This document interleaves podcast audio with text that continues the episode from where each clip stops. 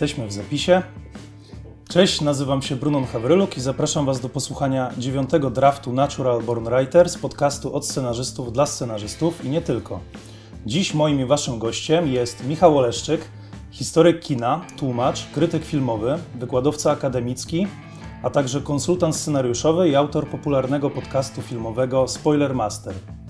W latach 2013-17 dyrektor artystyczny Festiwalu Filmowego w Gdyni, kierownik literacki Kanal Plus m.in. przy takich produkcjach jak The Office.pl, Planeta Singli 8 Historii, Minuta Ciszy oraz Strange Angels.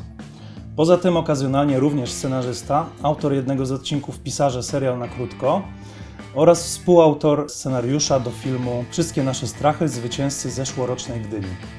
Cześć Michał. Cześć Brunonie, witaj, miło Cię widzieć. Cieszę się, że się udało, bo słuchałem kilku odcinków, także bardzo, bardzo jestem zaszczycony. Cieszę ja też jestem wiesz, fanem Twojego podcastu i w ogóle myślę, że naprawdę super robotę robisz. Dzięki, bardzo się cieszę. Wiesz co, e, chciałbym zacząć nie od początku, tak jak zwykle robię, czyli bez pytania o Twoją młodość, czy, czy o, o, to, skąd się wzięła Twoja pasja do kina. Tylko od razu chciałbym przejść do konsultowania scenariuszy. Sam bywam konsultantem, nie wiem, nie wiem czy wiesz, ale pracowaliśmy przez chwilę przy jednym projekcie o, który to projekt? E, dla Metro Films. Mm-hmm. A było chyba kilka dla Metro Films, tak, wiesz? Ja, ja, ja byłem przy okay. jednym, przy którym konsultowałem okay. i, widziałem właśnie, że też były uwagi od Ciebie, więc aha, tak aha, aha. to jakoś, chyba się domyślam, który jakoś, to mógł być jakoś projekt. tam okay, okay. pośrednio się zetknęliśmy. Mm-hmm, to, to chyba wiem, o który projekt chodzi. Mm-hmm. Ale ciekawi mnie, e, co Ty na to powiesz, czym dokładnie zajmuje się konsultant scenariuszowy? Mhm. No to myślę, że konsultant scenariuszowy w moim doświadczeniu jest um, osobą, która powinna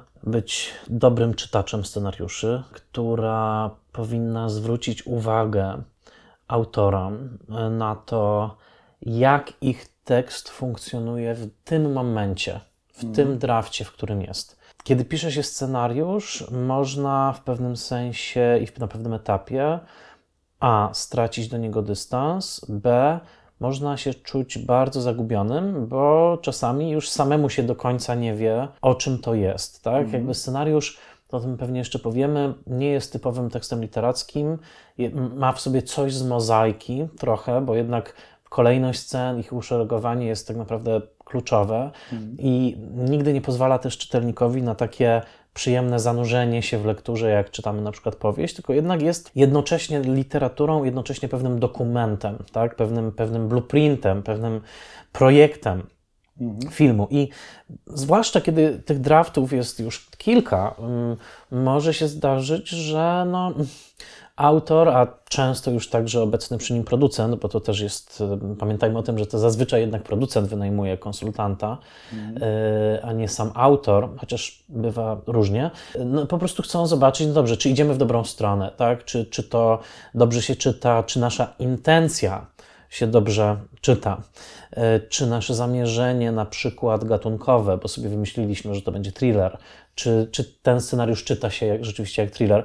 E, mówię teraz mega ogólnie, dlatego że oczywiście sytuacje są bardzo różne i czasami tak. konsultanci są wynajmowani na etapie nawet zanim scenariusz powstanie, tylko kiedy jest mhm. jakiś e, wstępny dokument od one-pagera po treatment. Także to jest bardzo szerokie i bardzo elastyczne pojęcie. Ja mogę powiedzieć tyle, że lubię być konsultantem wtedy, kiedy pojawia się jakaś wspólna wizja, jakiś wspólne przekonanie o tym, jak powinien wyglądać film, nad którym pracujemy. Nie wierzę w instytucję uniwersalnego konsultanta. Nie wierzę w to, że może być jakiś taki jeden konsultant ultra script doktor, do którego każdy, kto przyjdzie ze swoim projektem, usłyszy prawie jak od jody y, te trzy najważniejsze słowa, które pozwalają wszystko wyprostować, mhm. bo mm, uważam, że ważne jest też dopasowanie konsultanta do projektu. Nikt nie czuje wszystkich gatunków, nikt nie czuje wszystkich typów opowieści, więc ja też bywałem w sytuacjach, w których no, na przykład nie, nie dochodziło do współpracy, bo czytałem coś i dochodziłem do wniosku, że no, to, to nie jest do końca moje, tak? Jakby mm. nie, nie będę tutaj tym dobrym partnerem. Konsultant powinien być trochę sparring partnerem, trochę redaktorem, trochę czepialskim, ale przede wszystkim powinien mieć tą wyobraźnię, to znaczy zastanowić się, co z tego filmu może rzeczywiście wyniknąć, jak możemy doprecyzować to, co jest tą intencją. Tak? Mm. To jest bardzo, bardzo, bardzo ważne. I tutaj mogę nawet podać przykład, jeden konkretny, to, który myślę, że dużo powie. Na, na, myślę o serialu Minuta Ciszy Jacka mhm. Lusińskiego, scenariusz Jacka Lusińskiego i Szymona Augustyniaka, Augustyn. gdzie ja pracowałem jako kierownik literacki z ramienia Kanal Plus. E, podkreślam, nigdy nie byłem pracownikiem etatowym stacji, ale pracowałem po prostu na konkretne zlecenia. Mhm. I tak też było w tym przypadku. Mnie dołączono do Minuty Ciszy, która obecnie zresztą jest jesień 2022, jest właśnie nadawana przez Kanal Plus. Mhm. Mnie dołączono do tego projektu na stosunkowo późnym etapie. Tak? Te scenariusze, które ja już przeczytałem, tych sześciu, jeżeli dobrze pamiętam, odcinków, e, były już bardzo dopracowane. Tak? To znaczy, i, i, zaraz też możemy o tym powiedzieć więcej a propos pracy kierownika mhm. literackiego, bo y, dosłownie widziałem wszystkie możliwe warianty. To znaczy, od takiego, w którym scenariusze wymagały ogromnej pracy, która zajęła niemalże rok, do, do sytuacji z minutą ciszy, gdzie moje pojawienie się było pojawieniem się na późnym etapie i było w, zasadzie taką bardziej pomocą redakcyjną. Tak? Nie mm. mogę sobie tutaj przypisać żadnej większej kreatywnej roli przy minucie ciszy i wszelkie ukłony należą się Jackowi Lusińskiemu i Szymonowi Augustyniakowi. Natomiast, natomiast właśnie tu wskażę na tą, na tą y, no, rolę, którą może odegrać konsultant. Sytuacja była taka, że przeczytałem tych sześć odcinków, nie, na początku były tylko cztery, jeszcze mm. piąty i szósty nie były gotowe. Y, I no, sytuacja jest taka w największym skrócie, niemal logline'owym, y, że jest to opowieść o emerytowanym świeżo emerytowanym listonoszu w małym miasteczku w Polsce, który trochę z braku laku, trochę z przyczyn ekonomicznych Mm, a trochę dlatego, że życie go kieruje w tą stronę, staje się, e, no zakłada zakład pogrzebowy, jednoosobowy tak. E, i zaczyna chować ludzi, tak, zaczyna grzebać, grzebać ludzi. Więc gdzieś tam jakieś echa, nie wiem, 600 pod ziemią, może Better Call Saul, tak, możemy różne mhm. tutaj referencje wymienić. Natomiast e, takim dobrym przykładem na przykład takiej mikroporady, którą dałem i która została włączona do, do tekstu i potem też do serialu, było to, że po przeczytaniu pierwszego, właściwie tych czterech odcinków, pojawiło się we mnie takie pytanie, bo były znakomicie uargumentowane to, jakie okoliczności życiowe pchają Mietka Zasadę do tego, żeby był właśnie tym grabarzem. Natomiast był taki moment, e, że rozmawiałem z właśnie twórcami po przeczytaniu tych tekstów i miałem tam jakąś listę uwag e, i powiedziałem, słuchajcie, ale bardzo mi brakuje takiego jednego momentu, w którym postać, jakaś postać w scenariuszu nazwałaby, ja to wtedy nazwałem supermoc bohatera, tak? To mhm. znaczy, dlaczego te pogrzeby, które robi Mietek Zasada, są, cudzysłów, lepsze, inne niż te pogrzeby taśmowo i bezdusznie produkowane przez jego konkurenta w tym serialu, czyli niejakiego Jacka Wiecznego. Tak? Mm-hmm. Z jednej strony trochę to widzieliśmy, widzieliśmy na przykład, że e, Mietek chowając bohaterkę o nazwisku Bednarzowa, uszanował jej, uszanował jej mm, życzenie, żeby być pochowaną w sukni ślubnej. Okej, okay, ale powiedziałem wtedy, słuchajcie, ale potrzebujemy właśnie nazwania tej supermocy. Dlaczego jego pogrzeby będą inne? Na pewno to wynika z tego, jakim on jest człowiekiem. Jaką on ma taką cechę, która sprawia, że, e, że te pogrzeby będą lepsze. I po tej mojej sugestii mm, autorzy dopisali króciutki dialog w odcinku pierwszym, o ile dobrze pamiętam, w którym właśnie Owa Bednarzowa mówi do e, Mietka coś takiego, Panu zawsze można było zaufać, bo Pan potrafi słuchać ludzi. I to było takie jedno zdanie, ale które naprawdę troszkę pomogło ustawić tą postać, podkreślam, na późnym już etapie prac, mhm. Y, właśnie przez to, że Mietek dokładnie, znaczy, to już było jakby w tym serialu, tak? To tam było organicznie wpisane w sceny, ale mam wrażenie na przykład, że ten fragment dialogu pomógł to dopowiedzieć, tak? Że to jest właśnie ta supermoc, którą Mietek miał. Więc y, w tym przypadku podaję, naprawdę podaję jeden z wielu możliwych wariantów. Mhm. Teraz opowiedziałem o przykładzie tekstu bardzo dopracowanego, który potrzebował już stosunkowo niewiele pomocy. Y, y, wręcz były to, nazwałbym jakieś finishing touches, takie ostatnie dotknięcia, ale nawet takie finishing touches czasami mogą mieć taką wagę rzeczywistego jakiegoś rozwiązania. A mhm. moglibyśmy opowiedzieć o sytuacjach diametralnie innych, jak na przykład praca bardzo długa przy y, opracowywaniu scenariuszy do serialu Strange Angels, który obecnie jest kręcony przez Kanal Mhm. Plus, gdzie w zasadzie no, była to niemal roczna praca Który development, Który developmentowa. współpisze między innymi e, Marcin Ciastoń też. Marcin Ciastoń, który był Twoim gościem, tak. jest to serial tam, tam wymyślony. więcej osób. e, Tak, jest to serial wymyślony przez Agnieszkę Szpilę i Dominikę Prejdową, a w Writers Roomie znaleźli się jeszcze e, Katarzyna właśnie Tybinka. Marcin Ciastoń i Katarzyna Tybinka jako headwriterka. Mhm. Także taki był, tutaj, mm, taki był tutaj skład. No i tutaj e, praca była zupełnie inna, bo to był właściwie dopiero storyline, e, rozpisywanie odcinków, jeszcze koordynowanie zespołu większego, który nie znał się wcześniej, też dodajmy, że tam nie wszyscy się znali, nie wszyscy też mieli ten sam poziom doświadczenia scenariopisarskiego, niektórzy mieli bardzo wysoki poziom doświadczenia prozatorskiego, ale znikomy scenariuszowego e, i tak dalej, więc tutaj to było wiele, wiele, wiele dłuższy proces, ale e, domknę teraz, e, że konsultant, taka osoba, która po prostu jest przy autorze, tak, e, czyta, zastanawia się, jest trochę sparring partnerem, trochę pomocnikiem, trochę no jakimś takim no, no, no po prostu partnerem w tym procesie, tak bym to, ja, ja przynajmniej tak to, tak to widzę. Super. Em, wiesz co, to em, jakby w odniesieniu do tego, co powiedziałeś, też mnie zaciekawiło to, jak em, powiedziałeś o tym, że nie każdy projekt jest dla każdego konsultanta. I to jest coś, co myślę, że no, nie każdy to mówi, nie każdy jest w stanie to powiedzieć. Wydaje mi się, że przynajmniej konsultanci, z którymi ja miałem do czynienia, to wszyscy jakby, no wiesz, co innego jest pisać scenariusz, wtedy wiadomo, trzeba w to wejść i trzeba mieć to serce dla tego projektu. A jest coś takiego, co znają niektórzy konsultanci scenariuszowi, jak etyka zawodu konsultanta, skrypt konsultanta. I czy według Ciebie coś takiego istnieje? Bo to na przykład polega na tym, z tego co wiem, że no, nie można na przykład wprost powiedzieć, że coś jest słabe, e, że nie można Mm. Zależy od osobiście. sytuacji, wiesz, zależy od sytuacji, bo jeżeli jestem, nie wiem, tutorem na jakichś warsztatach i mam pomagać uczestnikom, no to absolutnie sobie nie mogę pozwolić na coś takiego, żeby powiedzieć, że coś jest słabe, tak? Jakby zostaw to.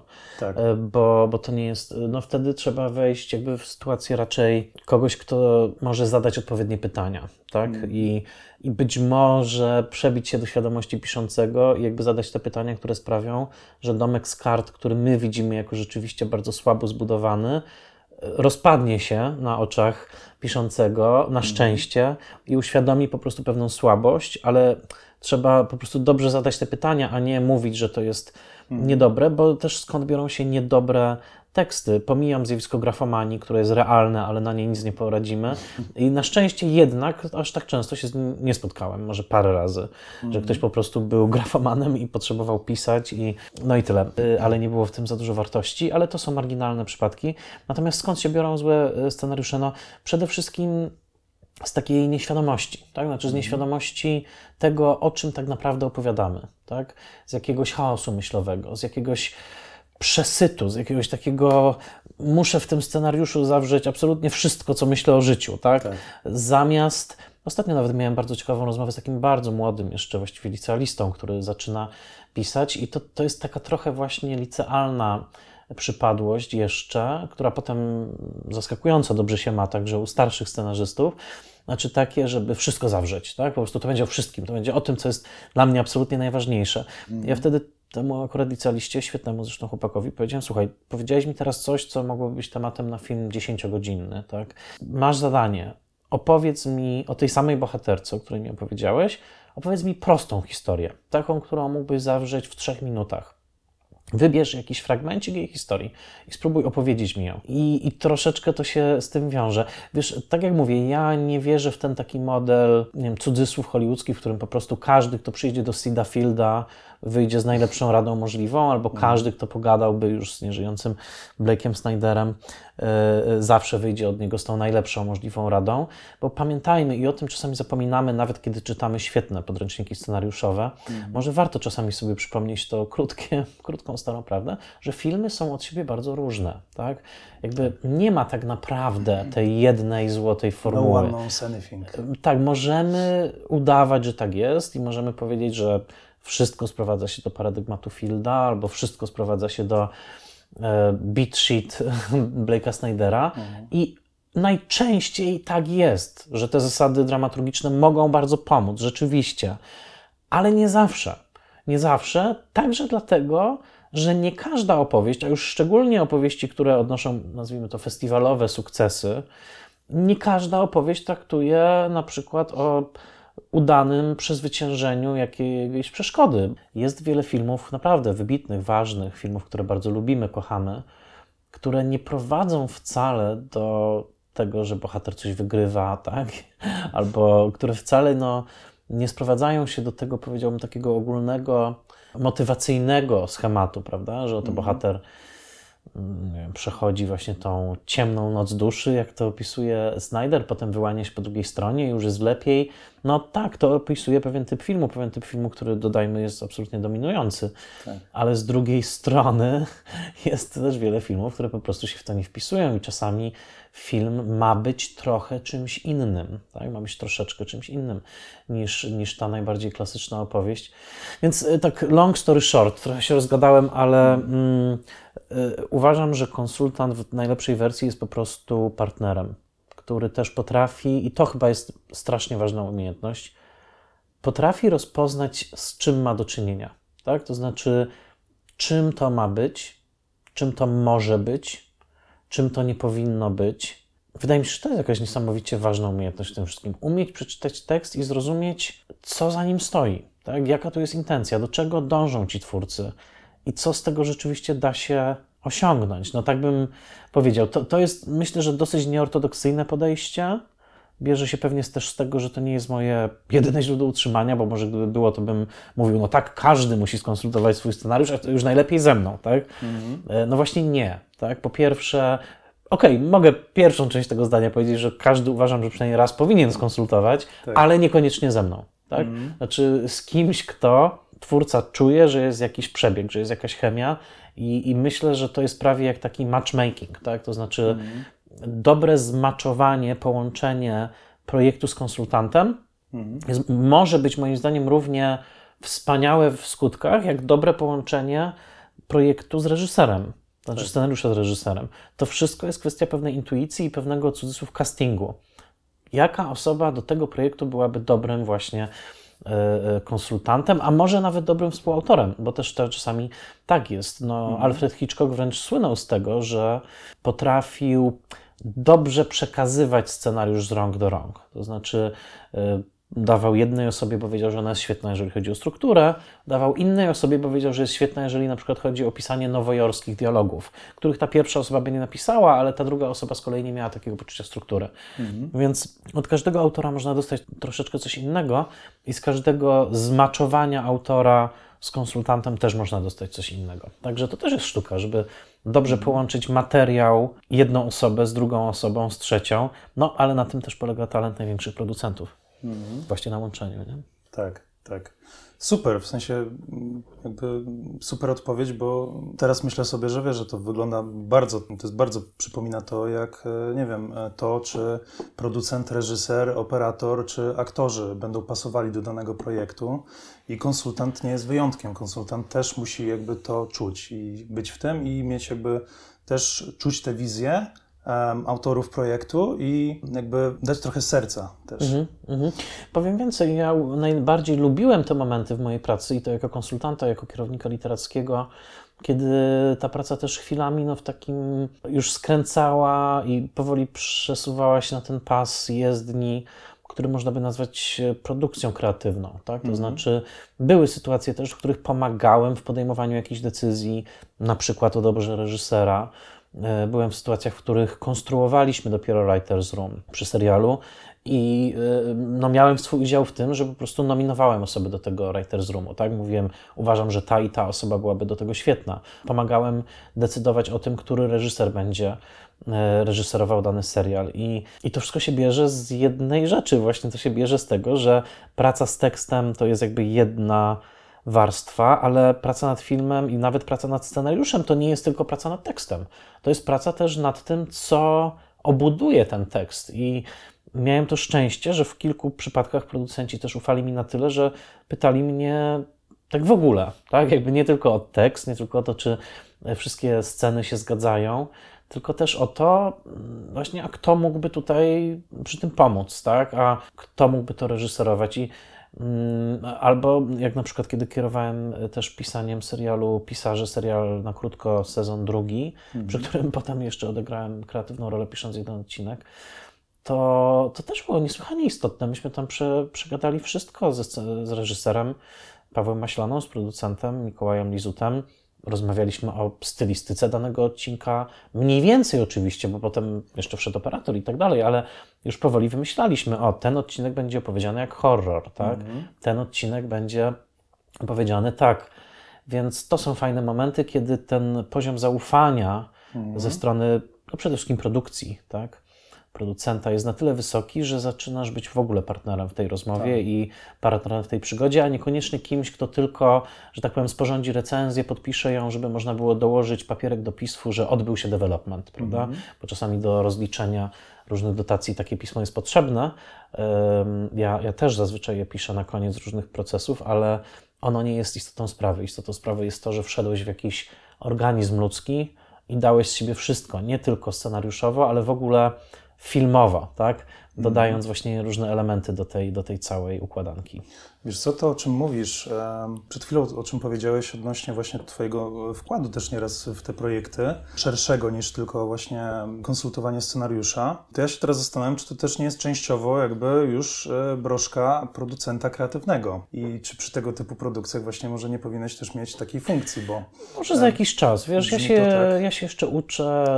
Na pewno momentami to jakby przechodziło już ten, w ten rejon, y, y, ale to też zależy od y, mojej relacji z producentem w danym momencie, tak? No, miałem naprawdę fantastyczne doświadczenie, na przykład właśnie przy serialu, który powstaje teraz, czyli Strange Angels, z producentkami Magdą Kamińską i Agatą Szymańską, gdzie no tak, no, byłem też częścią wielu tych procesów decyzyjnych różnych. One mnie po prostu do tego zapraszały.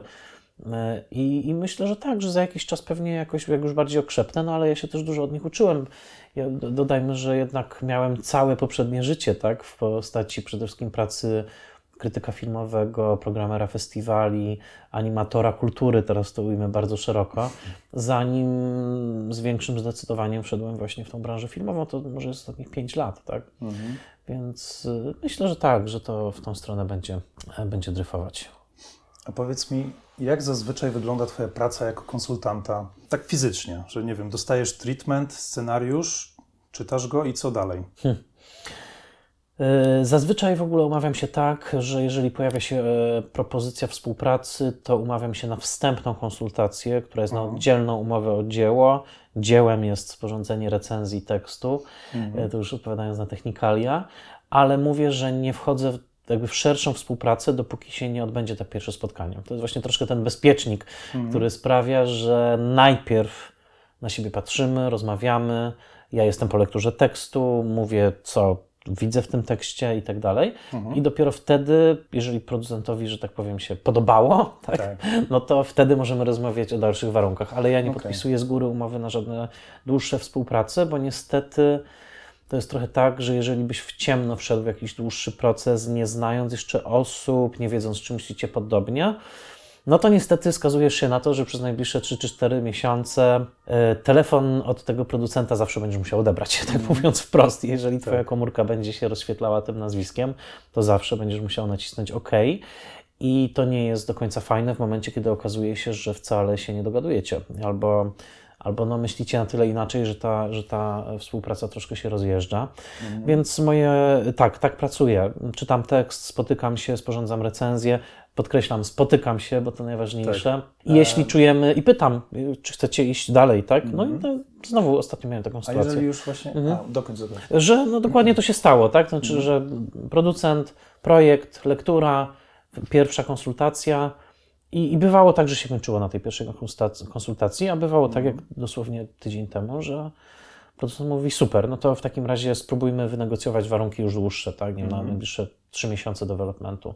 Okej. No to wtedy tak. I powiedz mi, jak już zostajesz w tym projekcie, już czujesz, e, że to jest to i producent, scenarzysta czują, że to jest to, że, że fajnie wam się współpracuje, to co wtedy, poza tą recenzją? Nie wiem, dodajesz jakieś komentarze do, do To scen? wtedy, wtedy już się umawiamy jakby konkretniej na dany przedział czasu, e, spisujemy harmonogram no jakby ja się wtedy trochę zobowiązuję do tego, że jestem na posterunku, czyli jak powstają mm. kolejne drafty tekstu, to jakby jestem przy tym, czytam te kolejne drafty, przede wszystkim spotykam się z autorem mm. i no, współprowadzę ten proces, tak? No i tutaj jest kwestia harmonogramu, bo ja znam, pamiętajmy też, że filmowe projekty się potrafią bardzo przeciągać, już nie, parę razy miałem sytuację, nie wiem, podpisywania jakichś aneksów do umowy, bo na przykład projekt się przeciąga i to nie jest tak, że ja w tym momencie wydzwaniam i mówię, nasza umowa się skończyła, proszę o całą kwotę, bo ja jednocześnie jakby niewiele zrobiłem jeszcze w ramach tej umowy, tak? Znaczy wciąż na przykład czekam na kolejną wersję tekstu i jakby mam zerowy nakład pracy po prostu, no ale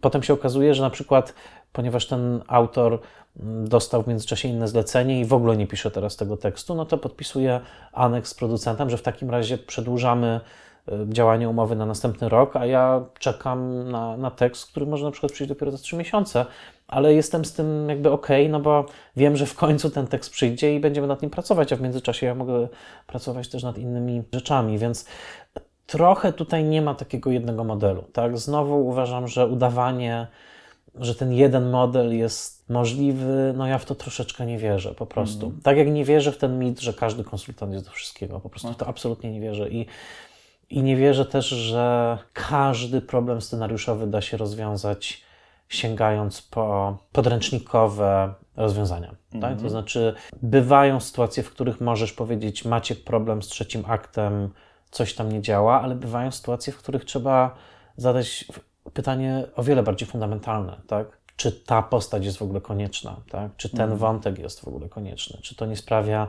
że cały film staje się trochę o czymś innym niż o tym, o czym miał być. Więc no znowu, długa odpowiedź na krótkie pytanie. Mhm.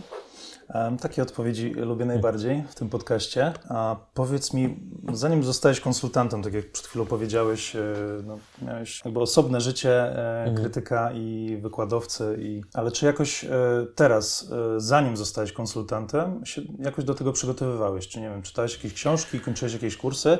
W ogóle jak zostałeś konsultantem? Skąd to się wzięło? Okej. Okay. Wiesz co, no w pewnym sensie całe życie się do tego przygotowywałem, tak? Jakby mhm. dziesiątki tysiące obejrzanych filmów, gdzieś tam przecież odłożyły swoje DNA, że tak powiem. Y, jestem obserwatorem, jestem kimś, kto kino przeżywa, patrzy na nie, także je analizuje. Na pewno jestem kimś, kto po prostu jest wrażliwy na kino, tak? Po prostu jestem wrażliwy na tą formę sztuki i widzę, jak ona działa, tak? To znaczy po prostu jakoś tam te śrubki nie są już dla mnie aż tak wielką tajemnicą, mhm. ale nadal pozostają, zwłaszcza przy największych filmach. Y, w pewnym sensie nieświadomie się całe życie do tego przygotowywałem, a tych 5 lat temu, kiedy przeszedłem na bardzo, bardziej taką aktywną stronę, no, to był rezultat wielu czynników, także tego, że po prostu poznałem większą ilość producentów, z którymi miałem jakieś tam ciekawe rozmowy i oni w pewnym momencie padało pytanie, czy nie przeczytałbyś tego, czy nie przeczytałbyś mm. tamtego.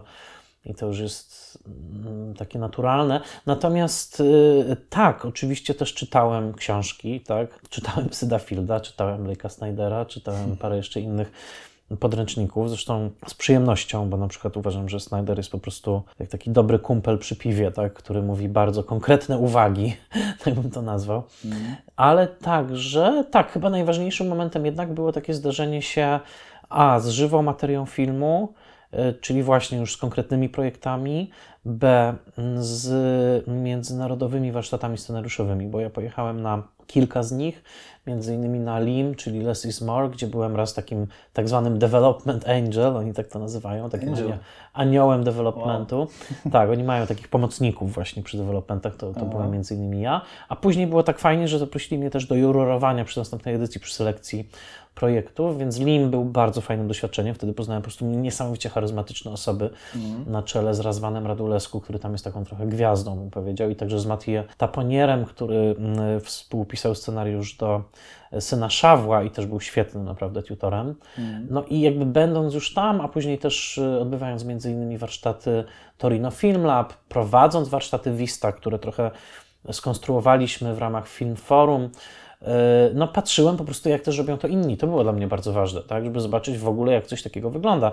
Byłem e, podopiecznym e, producentki francuskiej Isabelle Fauvel, która jest dosyć znana w tym środowisku. No i ona też, no to był taki żywioł, tak? Po prostu kiedy ona miała tych swoich paru podopiecznych, to trzy dni jazdy bez trzymanki, tak bym powiedział, absolutnej jazdy bez trzymanki z nią. Świetna, świetna osoba. Y, no i tak, no i w międzyczasie też poznałem po prostu bardzo wiele autorów, a wydaje mi się, że najważniejsze dla mnie było takim doświadczeniem, jakby to powiedzieć, moim zdaniem stajesz się w pełni konsultantem w momencie, w którym świadkowałeś procesowi powstania jednego filmu od A do Z. To znaczy, kiedy widziałeś tą całą drogę, nawet może kiedy doradzałeś, ale przede wszystkim, kiedy już wiesz, jakby ile to zajmuje i jak często ten pierwszy pomysł ma mało wspólnego z tym, co koniec końców powstaje. Mhm. Pamiętam, dla mnie takim trochę magicznym case'em, przypadkiem był film Atak Paniki Pawła Maślany e, ze scenariuszem Bartka Koczedowa i e, Oli Pisuli, bo to był scenariusz, który ja poznałem na bardzo wczesnym etapie, jeszcze pod zupełnie innym tytułem i w zasadzie to był inny scenariusz. Pod wieloma względami dział się chyba w całości w Neapolu.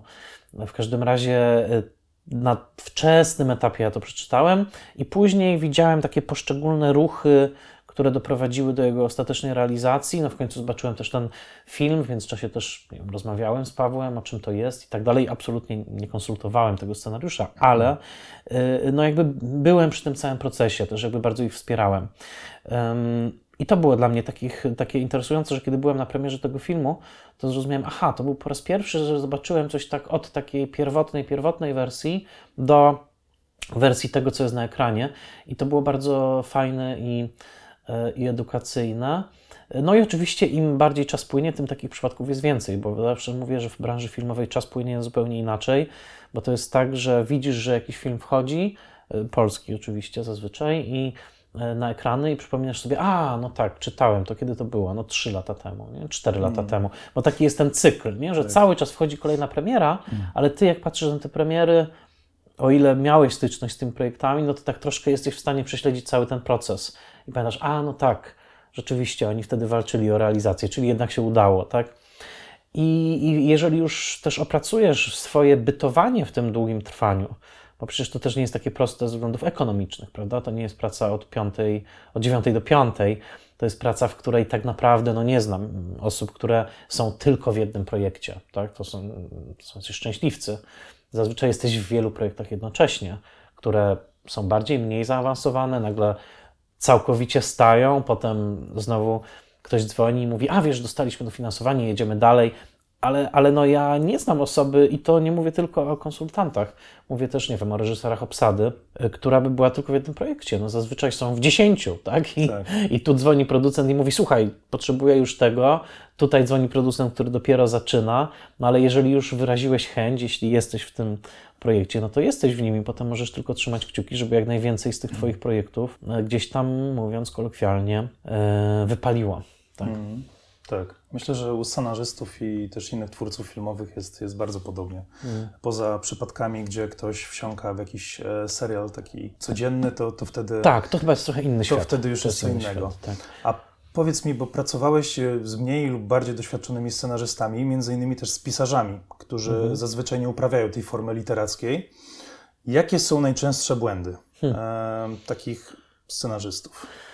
No tutaj ciekawy był właśnie serial Pisarze, dlatego że cały pomysł był taki, że właśnie pisarze niekoniecznie z doświadczeniem scenariuszowym mm -hmm. pisali te scenariusze.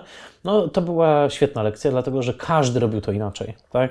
Mm -hmm. Każda z tych osób w ogóle inaczej formatowała tekst, inaczej podchodziła do... Niektórzy już było widać, że są bardziej, cudzysłów, otrzaskani. Mm -hmm. i, i, tam Celticsem. E, tak, ale no Celticsem to nie wiem, czy ktoś tam pisał, ale ktoś nawet, ktoś w Wordzie próbował wygenerować, że tak powiem, ten, ten format, a niektórzy może już nawet tak, Celtics czy coś. W każdym razie mm, to była fajna lekcja, bo w zasadzie przez to, że Paweł Maślona, który reżyserował ten sezon, był tak niesamowicie zaangażowanym reżyserem, no bez żadnych wątpliwości było to moje takie najbardziej edukacyjne doświadczenie, praca z Pawłem, tym bardziej, że było dla mnie tak wczesne. No to tam y, no, zrozumiałem też, że scenariusz zwłaszcza pisany przez kogoś bez doświadczenia scenariuszowego, jest naprawdę tylko pewnym zaczynem. To znaczy jest nakreśleniem sytuacji, jest skierowaniem w stronę jakiegoś, jakiejś struktury, jakiegoś obrazka. Niektóre z tych scenariuszy przeszły sporą ewolucję, także ze względów realizacyjnych. Pisarze byli realizowani, to był po jednym dniu zdjęciowy na odcinek, tak? Mhm. Dwójka aktorów, Antoni Królikowski, Zofia lokacja, Wichłacz. Jeden dzień Mhm. i to, co się uda nakręcić w tym dniu.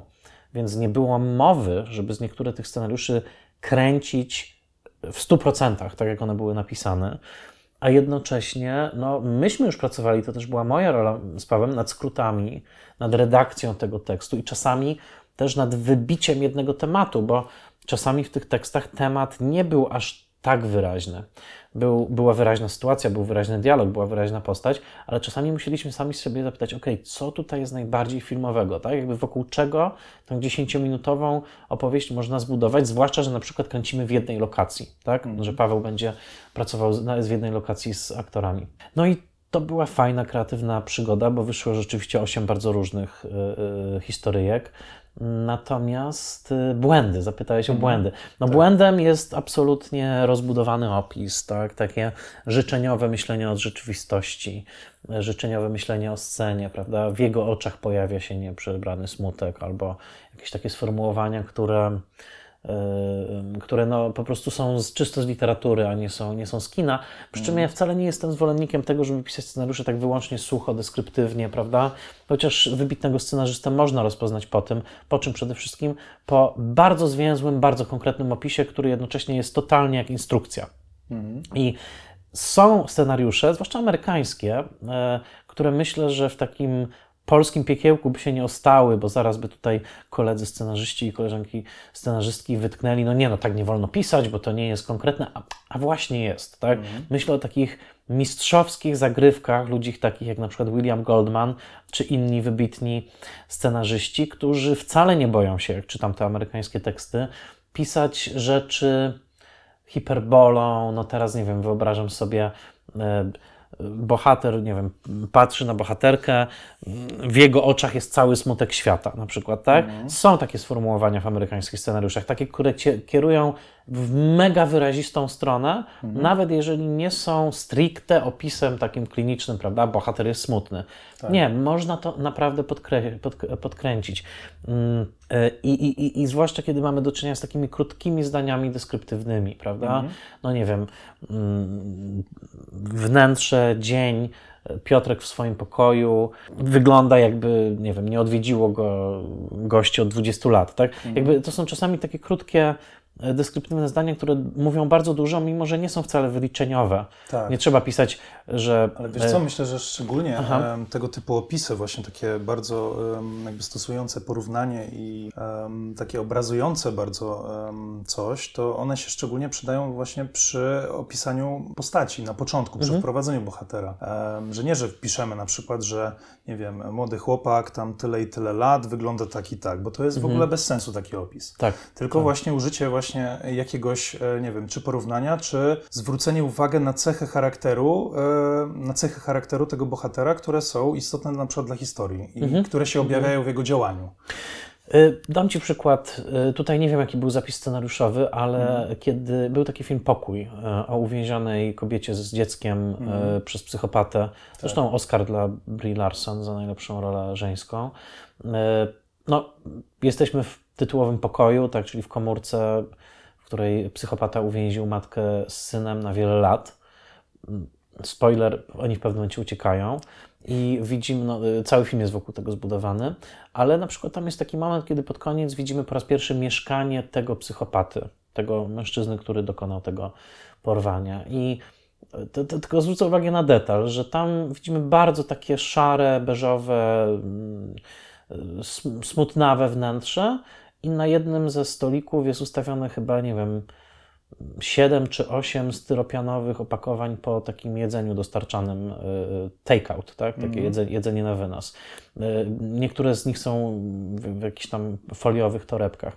I słuchałem też komentarza audio do tego filmu y, reżysera Lenego Abrahamsona, który mówił o tym, że to był genialny pomysł scenografki, właśnie na podstawie zapisu scenariuszowego. Teraz nie pamiętam dokładnie, jak to było napisane, ale jakby ten jeden detal mówi ci absolutnie wszystko o tym człowieku. Tak? To był człowiek, który przez ostatnich 20 lat nie ugotował sobie posiłku, tak? nie wiem, nie zaprosił nikogo do swojego domu, żeby cieszyć się wspólną kolacją, tylko właśnie zamawiał te nie wiem, kurczaki pięciu smaków przez 10 lat. I i jakby ten te taki stosik tych styropianowych opakowań to jest coś, co scenografka wymyśliła, ale teraz znowu wydaje mi się, że jeżeli to jest dobrze zapisane w scenariuszu, to wcale w scenariuszu nie musiało być napisane na stoliku stoi pięć styropianowych opakowań po chińszczyźnie, tylko równie dobrze w tym scenariuszu mogło być jedno zdanie, które wyraziło emocję, która towarzyszy temu mieszkaniu.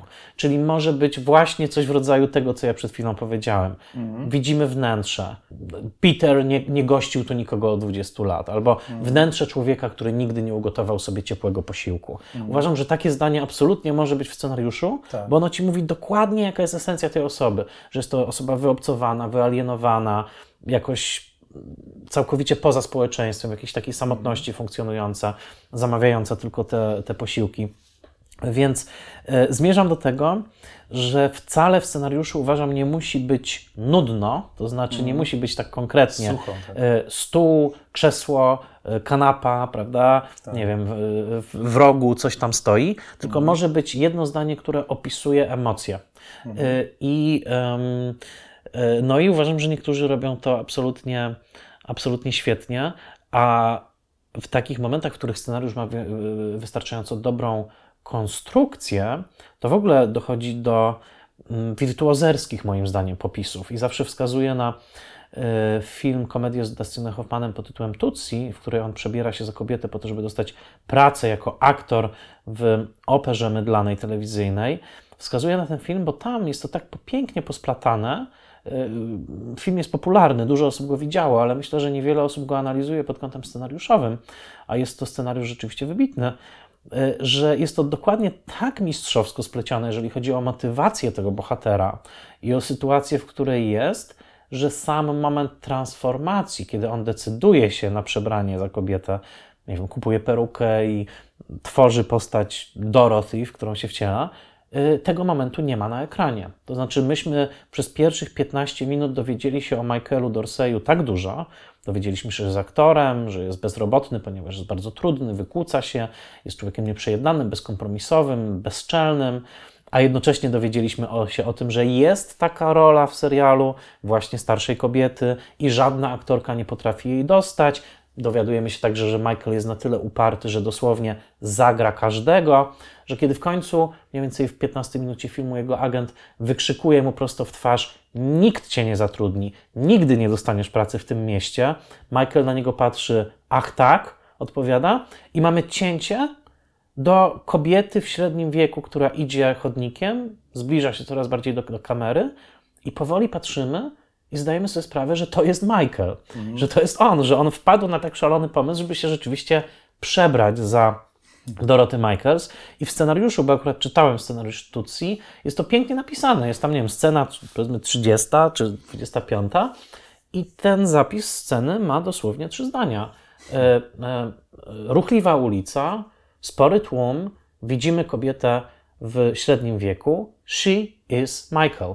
Ona jest Michaelem, dokładnie. A nie, że prawda, przebrał się tutaj, widzimy, nie wiem, że kupuje sukienkę, tak? Nie, she is Michael i wiemy, dlaczego she is Michael. Michael zrobi wszystko, żeby dostać rolę i zrobi także to, że przebierze się za kobietę w średnim wieku. I jak jesteśmy na takim poziomie scenariopisarstwa, to mam wrażenie, że no, powstają momenty magiczne, tak? Bo i- innymi słowy, przez 15 minut tak mocno weszliśmy w skórę tego bohatera, totalnie zrozumieliśmy, co go kręci, co go przeraża, jakie ma marzenie, że wydaje nam się to najnaturalniejsza rzecz na świecie. No oczywiście, że się przebrał za Doroty, musi dostać tą rolę, prawda? Udowodni, że jest najlepszym aktorem, no tyle, że oczywiście później e, będzie z tym wiele, wiele e, e, komplikacji, ale znowu, zapis scenariuszowy w tym przypadku, i miałem w ręku ten scenariusz, jest dokładnie taki. Busy street, we see a middle-aged woman, she is Michael. A powiedz mi trochę o dialogach. Em, Jakie błędy właśnie, bo to jest chyba coś takiego, co e, wydaje mi się, że autorzy, autorzy literatury, autorzy mm, piszący beletrystykę, no jakby zupełnie inaczej do tego podchodzą. Tak, no to jest właśnie magia. No to jest magia, bo są ludzie, którzy mają do tego niesamowite ucho. No tutaj bym wymienił, tak, Jacek Lusiński, Szymon Augustyniak, wydaje mi się, że są bardzo utalentowani w tej, w tej mierze, w mm. tworzeniu dialogów, mm, które są jednocześnie informacyjne, ale bardzo budują postaci, są zwięzłe, dowcipne, przy okazji bardzo polskie, bo oni mam wrażenie świetnie się poruszają właśnie w tej polskiej prowincji mm, przede wszystkim. Myślę, że takim moim zaskoczeniem mm, było to, kiedy troszkę tego świata się uczyłem, że nie zawsze dialogi powstają tylko przy biurku, tak? Że czasami mm. dialogi, zapis scenariuszowy są, jest także wynikiem prób aktorskich, prawda? Że to, że to nie jest tak, że to jeden mastermind wszystko tak, e, tak napisał, tak. ale ogólnie rzecz biorąc, no myślę, że tak, że talent do dialogów to Nieprzypadkowo mówi się o uchu do dialogów, bo w pisaniu dobrych dialogów jest coś muzycznego. Ich rytm, ich brzmienie, fraza, kadencja, jakaś zwięzłość, jednak zazwyczaj zwięzłość. E, to jest coś, co ma coś wspólnego ze słuchem muzycznym, tak? Albo coś dźwięczy, albo coś nie dźwięczy. Natomiast nie ukrywam, że ja podziwiam y, dobrych dialogistów. To jest absolutnie coś, czego no, może ja to mam w jakimś mikrostopniu, ale y, chwilami mam wrażenie, że mi się to udaje, ale, ale, ale absolutnymi tutaj mistrzami są dla mnie autorzy tacy jak na przykład y, no, chociażby Łukasz Zychowicz, z którym pracowałem przy The Office, czy y, Jakub Różyło, który też no, no, po prostu ma do tego smykałkę, tak? I mhm. dialog jest w pewnym sensie tym nazwałbym to taką partią smyczkową scenariusza, tym, co jest po prostu popisem, tym, co może być popisem. Tak? Wsłuchujemy się w dialogi, one nas jakoś niosą przez historię. Y, I jeżeli jest dobrze napisana postać, to w tym, jak ona mówi, też znowu się odzwierciedla, prawda, jaka ona, yy, jaka ona jest. No, mam tak. ogromną słabość do dobrze napisanego dialogu. Mm, wcale nie zdarza się to tak, tak często i oczywiście najgorzej jest wtedy, kiedy dialog skręca w jakąś stronę deklaratywno, instruktażowo. Tak. E, kiedy bohaterowie dokładnie mówią to, co myślą i... To, co myślą autorzy, że widz powinien tak. wiedzieć, coś, coś w tym stylu, mm, no to, to troszkę się wtedy odklejam od filmu, ale no, są też mistrzowie dialogu już takiego na poziomie, powiedziałbym, plat, platynowym, tak? To mm. znaczy bardzo polecam przestudiowanie scenariuszy dwóch autorów przede wszystkim, Y, to są lata 30 i 40, ale naprawdę wciąż nikt ich nie pobił. Myślę o Samsonie Rafaelsonie i o Prestonie Sturgesie. Jak się czyta te scenariusze Samsona Rafaelsona, on jednak napisał najlepszą komedię romantyczną wszechczasów, czyli Sklep za rogiem, Shop Around the Corner, no to tam są króciutkie dialogi, w których jest połysk prawdziwego diamentu. Tak? I to są często niby proste rzeczy, ale no ale nie są takie proste, bo one jednak wyrastają właśnie z tego, z tego, z tego talentu. Pamiętam, jest taki film pod tytułem Złote Sidła. To jest dosyć słynna w Stanach komedia z lat 30., taka trochę komedia kryminalna, jednocześnie z wątkiem romansowym. Jest tam bardzo liryczna scena, kiedy bohater rozmawia ze swoim kamerdynerem. Tego wieczora ma przyjść do niego jego dziewczyna, czy potencjalna w każdym razie, w każdym razie dziewczyna, i ten kamerdyner pyta tego właśnie, powiedzmy, barona, już teraz trochę upraszczam, y, y, co ma podać na, y, na tą kolację, a on mówi coś w rodzaju: Ta kolacja musi być olśniewająca. Być może jej nie zjemy, ale musi być olśniewająca. I to jest jakby w tym jest cały ten wieczór, który nadchodzi, tak? Jakby w którym mhm. wcale nie chodzi o tą kolację, chodzi o coś tak. innego, tak? Mhm. A drugi tam jest linijka, on mówi do tego kamerdynera przez okno palcem i czy widzisz ten księżyc na niebie? On mówi, tak, panie baronie. Chcę zobaczyć ten księżyc w kieliszku szampana. Tak? I znowu masz cały obraz tej magicznej kolacji, która się zaraz rozegra. No, ale to są jeden z wielu, wielu przykładów po prostu takich perełek dialogowych. Tak. A pomówmy trochę o języku też w innym kontekście, w kontekście właśnie tego, w jaki sposób przekazujesz komuś to, co napisał, szczególnie jak coś nie jest dobre. Mhm. Już trochę o tym mówiłeś wcześniej, ale. Tak, znaczy, mhm. tak jak mówię, jeżeli coś jest naprawdę niedobre, no to nie wejdę w tą współpracę na dłużej. Jakby mhm. Po co się męczyć, tak? No, myślę, znaczy ja jestem, ja jestem raczej ze szkoły um, sokratejskich pytań, mhm. tak? czyli jakby nakierowywania na to, co jest niedobre. Trochę mniej wierzę w szkołę e, brutalnego feedbacku. Mhm. Może w nią w ogóle nie wierzę, tak bym powiedział e, takiego właśnie no, chlastania scenariusza, tak? Myślę, że jest w tym troszeczkę jakiegoś takiego performance'u, że mam wrażenie, że osoba, która to mówi, nigdy nie jest tak do końca pewna tego, co mówi. Mhm. Bo, bo, bo, bo tak naprawdę nikt w tej branży nie może być na 1000% pewien, Tak. że to, co mówi o scenariuszu, rzeczywiście jest prawdą. Ale Czy- wiesz co, ale Mhm. tutaj mam taki przykład, co jeżeli konsultujesz scenariusz, w którym ekspozycja ciągnie się, ciągnie, już Mhm. dochodzisz do połowy i no nie ma tego punktu zwrotnego, Mhm. jakby nie ma czegoś takiego punktu przełomowego i czujesz na przykład, widzisz, że e, scenarzyście, scenarzystce brakuje jakichś narzędzi, może Mhm. na przykład nie wie o tym i tutaj warto byłoby na przykład powiedzieć. Tak, ale wiesz, to, to Mhm. jak, nawet jak to mówisz, to mi się przy, konkretne obrazy przywołują. Y, zazwyczaj, tak, jeżeli jest tego typu problem, no to ja mówię, słuchaj, jest 32 strona, ja jeszcze nie wiem, o czym ten film jest. Nie? Mhm. Jakby pokazałeś mi to, pokazałeś mi to, pokazałeś mi tamto, ale ja naprawdę nie mam pojęcia, co z tego jest dla ważne. Tak? Mhm. Jakby jestem na rozdrożu. Jakby mówię, pomóż mi, tak? podaj Mhm. mi rękę, powiedz mi, czy ja mam pójść w tą stronę, czy w tą stronę, bo jakby kreślisz tą mapę już którąś godzinę, tak? czy Tak. którąś minutę, a ja wciąż nie mam drogowskazu. Mhm. Tak? Nakreśliłeś jakiś świat, ale nie mówisz mi, słuchaj, patrz nie? w tamtą stronę, nie? to jest bohater. Albo przede wszystkim, jaki jest temat. Ja Mhm. często, często zadaję to pytanie, ale słuchaj, jaki jest temat tej czym historii? to nie? jest? O czym to jest? Czy to jest historia o tym, że każdy zasługuje na szczęście? Czy to jest historia o tym, że odwaga zawsze będzie nagrodzona? Czy to jest historia o tym, że odwaga nie ma znaczenia? Na przykład, to są naprawdę dwa zupełnie różne typy historii, nie? Mhm.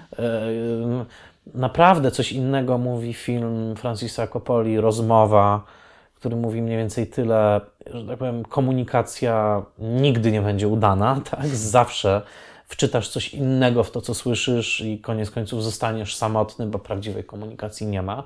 Mhm. A co innego mówi, nie wiem, thriller w rodzaju wroga publicznego, tak, który mówi o tym celowo, bo tam y, Jim Hackman powtarza w zasadzie swoją rolę z rozmowy, tylko że to już jest film Tonego Scotta.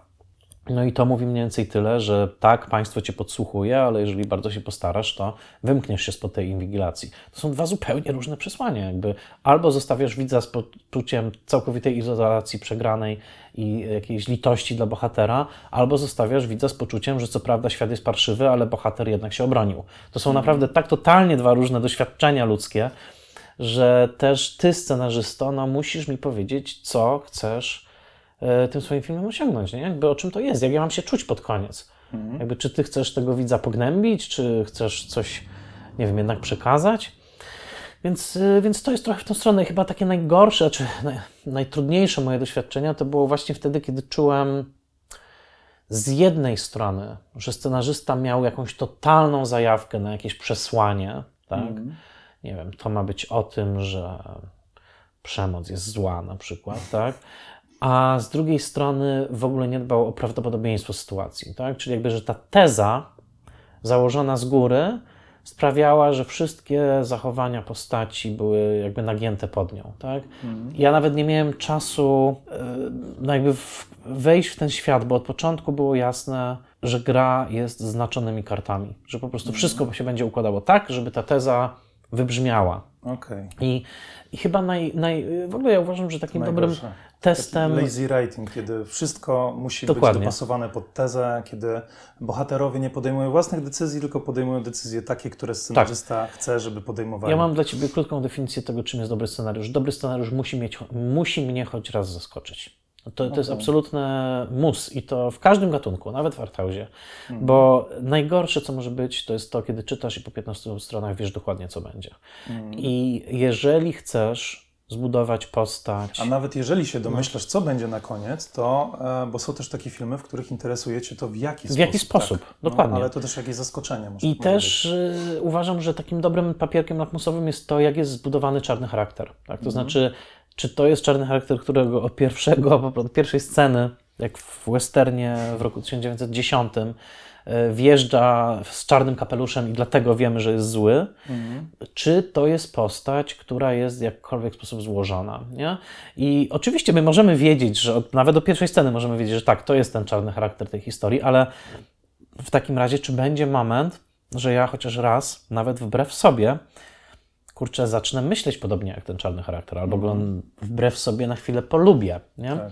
Em, natomiast najgorzej, najgorzej jest wtedy, kiedy scenariusz jest rodzajem takiej umoralniającej opowiastki, tak? gdzie wiesz od samego początku, kto jest dobry, kto jest zły i, i że tak powiem, masz w pełnym poczuciu moralnego, obywatelskiego obowiązku jedynie doczekać tej kary, która spada na, na czarny charakter. No myślę, że całkowitym zaprzeczeniem takiego filmu jest takie arcydzieło jak na przykład Milczenie owiec, tak? w którym oczywiście wiemy, kto jest bardzo zły, jest to Buffalo Bill i życzymy mu jak najgorzej, ale po drodze spotykamy się ze złem, kto wie, nawet czy nie większym, w postaci mm. Hannibal, Hannibala Lectera, który przy całej swojej elegancji jednak chyba ma gorszy track record, jeżeli chodzi o ilość ofiar, a jednak to on staje się sojusznikiem głównej bohaterki, e, Clarice Starling. W zasadzie można mówić o tym filmie nawet jako o historii miłosnej, wiele osób już tak robiło. I mhm. on zostaje nieukarany na końcu, prawda? W ostatniej scenie Hannibal Lecter odchodzi odchodzi w dal, więc już nawet nie idąc teraz w analizę milczenia owiec, ale co to jest za wspaniała historia, że tak, dostaje wszystko to, co jest w kryminale. Jest policjantka, jest złodziej, cudzysłów złodziej, mm. jest pogoń, jest schwytanie winnego, ale jednocześnie ta historia do końca nie jest o tym, tak? Ona jest o tym, że są na tym świecie potwory i niektóre z nich czasami pomogą nam schwytać innego potwora, tak? Ale to wcale nie czyni ich e, nie czyni ich dobrymi. Ja wciąż myślę, że to jest jeden z najlepszych hollywoodzkich filmów w ogóle i e, takich jednocześnie najgłębszych, no bo gdyby ten sam materiał znalazł się w ręku innego scenarzysty, reżysera, mógłby być naprawdę całkowicie banalną, kryminalną opowiastką, właśnie niezaskakującą, ale jednak w 1991 roku cały świat, dlaczego ten film odniósł tak wielki sukces? Bo cały świat był bardzo zaskoczony samym sobą, że polubiliśmy Lektera. Mm. To, było coś, czego się po sobie nie spodziewaliśmy. Poznajemy postać kanibala, który zrobił straszliwe rzeczy, ale ponieważ tak, a nie inaczej został napisany, ponieważ z taką, a nie inną elegancją się wypowiadał, ponieważ tak, a nie inaczej zagrał go Anthony Hopkins, wychodziliśmy z tego filmu w zasadzie trochę uwiedzeni przez niego. Mm. I trochę baliśmy się, kiedy na końcu odchodził w siną dal, ale z drugiej strony nasze serce było zaskakująco blisko jego właśnie w tej całej historii. Nie? Mm. Także to wracam do słowa zaskoczenie, że moje najwspanialsze doświadczenia z czytaniem scenariuszy to są takie, kiedy ja siadam i jestem tym mądralą, prawda, który tutaj wszystko niby wie, ale ten tekst sprawia, że muszę pokornie powiedzieć, okej, okay, zaskoczyliście mnie, tak? To mhm. jest coś, czego się nie spodziewałem. Tak, ale wiesz co, bo ja się zgadzam z tą e, twoją krótką definicją, chociaż dodałbym do niej jeszcze, że bohater, tak? Co innego jest e, czytać czy oglądać historię bohatera, który w jakiś sposób nas przejmuje, angażuje, co innego jest zaskoczenie. Może być film akcji, w którym bardzo dużo się dzieje, jest pełno zwrotów akcji, ale ty to oglądasz i ale mnie to nie obchodzi. Mm -hmm, więc, mm -hmm. No to prawda. Więc, więc, to, więc to, to, to, też. A powiedz mi, um, a co w przypadku, kiedy widzisz na przykład, że autor brnie w ślepą uliczkę, hmm. albo nie czuje tego tekstu, nie potrafi go lepiej napisać niż, niż to robi. Mhm.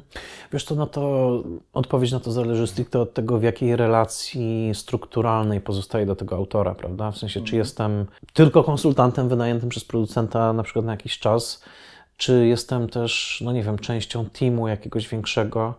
No, myślę, że idea, no niestety, no, czasami idealną opcją jest po prostu dokooptowanie kogoś do projektu, tak? Mm. w, w, przypadku serialu dokooptowanie kogoś do Writers Roomu, kto po prostu ten problem rozwiąże. Wiesz, no myślę, że na polskim rynku i tak nie jesteśmy w, takim, w takiej luksusowej pozycji, że po prostu, że ten rynek jest taki szeroki, że możemy po prostu dobierać z jakiejś ogromnej palety, tak, twórców. Tak, specjalistów. Specjalistów od tego, prawda? Nikt tak nie pisze odcinków kryminalnych, jak, nie wiem, jakiś tam majster od CSI, mm. a nikt nie pisze tak jak, nie wiem, politycznych, jak Aaron Sorkin. No nie jesteśmy w tej sytuacji. Ale, ale tak, no czasami myślę, że rewrite przez kogoś innego jest po prostu jedynym, jedynym wyjściem. No. To, to mm. też, też tak bywa, no tylko oczywiście zawsze wtedy się napsuje trochę krwi, tak? No, zresztą no, no akurat ja byłem przy wszystkich naszych strachach w takiej sytuacji od początku kooperacji, prawda? Tego, że pracowaliśmy razem mm. z Łukaszem Rodudą, z Kasią Sarnowską i tak dalej, no ale tam też były sytuacje rewrite'ów, takich właśnie, że coś było napisane przez jedną osobę tak, ale inna osoba z naszego zespołu przepisywała to trochę inaczej i koniec końców film, który powstał jest rodzajem patchworku naszych wspólnych talentów, do tego jeszcze osób, które tam konsultowały na czele z Michałem Zygmuntem, więc e, wiesz, ja naprawdę, znaczy uważam, że są jednostki, są jednostki wybitne scenarzystów, którzy posiedli bardzo dużo umiejętności, są świetni w tym fachu. Są tacy osoby, myślę, że w Hollywood najbardziej legendarną jest pewnie William Goldman, ale nie mam żadnych złudzeń, że ogólnie rzecz biorąc, powstawanie filmu jest naprawdę zbiorową czynnością i uważam, że we współpisaniu scenariusza nie ma absolutnie nic złego. Mhm. Lubię sytuację teamu. Jak do tej pory i tak napisałem tylko jeden scenariusz, krótki, sam, myślę o pisarzach. Mhm. Zawsze pracowałem w teamie, jest to coś, co bardzo na mnie dobrze działa. I, I, powiem więcej, nawet nie wiem, czy mam ambicje jakby takiej szerszej pracy samodzielnej. Mhm. Ja lubię pracę zespołową. Co, Myślę, ci, że w niej jest duża siła. Mhm. To jest coś, czego ja na przykład się w ogóle nauczyłem w momencie, kiedy zacząłem pisać scenariusze, to właśnie praca zespołowa, bo wcześniej pisałem opowiadania, byłem głównie e, prozaikiem. I w momencie, jak zacząłem pisać scenariusze, to doszedłem do wniosku, że co z tego, że ja sobie coś napiszę, Później musi przyjść reżyser, e, producent, e, operator. Oni to muszą jakoś na swój sposób też, wiesz, przyswoić. A też e, co innego jest, kiedy piszesz prozę, kiedy piszesz opowiadanie czy powieść i to jest wszystko jakby twoje myśli, twoja strumień świadomości twojego bohatera. Nikt tego tobie nie zrobi inaczej niż ty, bo to jest twój styl. Mhm. A co innego, kiedy jest scenariusz i tutaj faktycznie przydaje się te lustro w postaci jakiegoś współautora czy osoby, która może ci pomóc. Ja się z tym zgadzam i jestem za tym, żeby a Całkowicie popieram akcję gildii scenarzystów a propos tego, że scenarzysta nie powinien być duchem. Jestem za tym, żeby scenarzyści byli bardzo widoczni, ale jednocześnie nie mam żadnych wątpliwości, że jeżeli jesteś scenarzystą i nie jesteś reżyserem, mhm. to do pewnego stopnia musisz się liczyć z tym, że twój tekst ulegnie przemianom. Po prostu. E, ktoś kiedyś powiedział całkiem brutalnie: jeżeli chcesz mieć pełną kontrolę nad przełożeniem swojego tekstu na ekran, po prostu go wyreżyseruj, a najlepiej go jeszcze wyprodukuj. Tak. I są takie osoby. W Polsce Właściwie nie, mhm. ale, y, ale w Stanach tak. No, znamy przypadki nie, Moody'ego Allena, Prestona Sturgesa, paru, y, niektórzy nawet grali w swoich filmach, to jest jeszcze jeden level.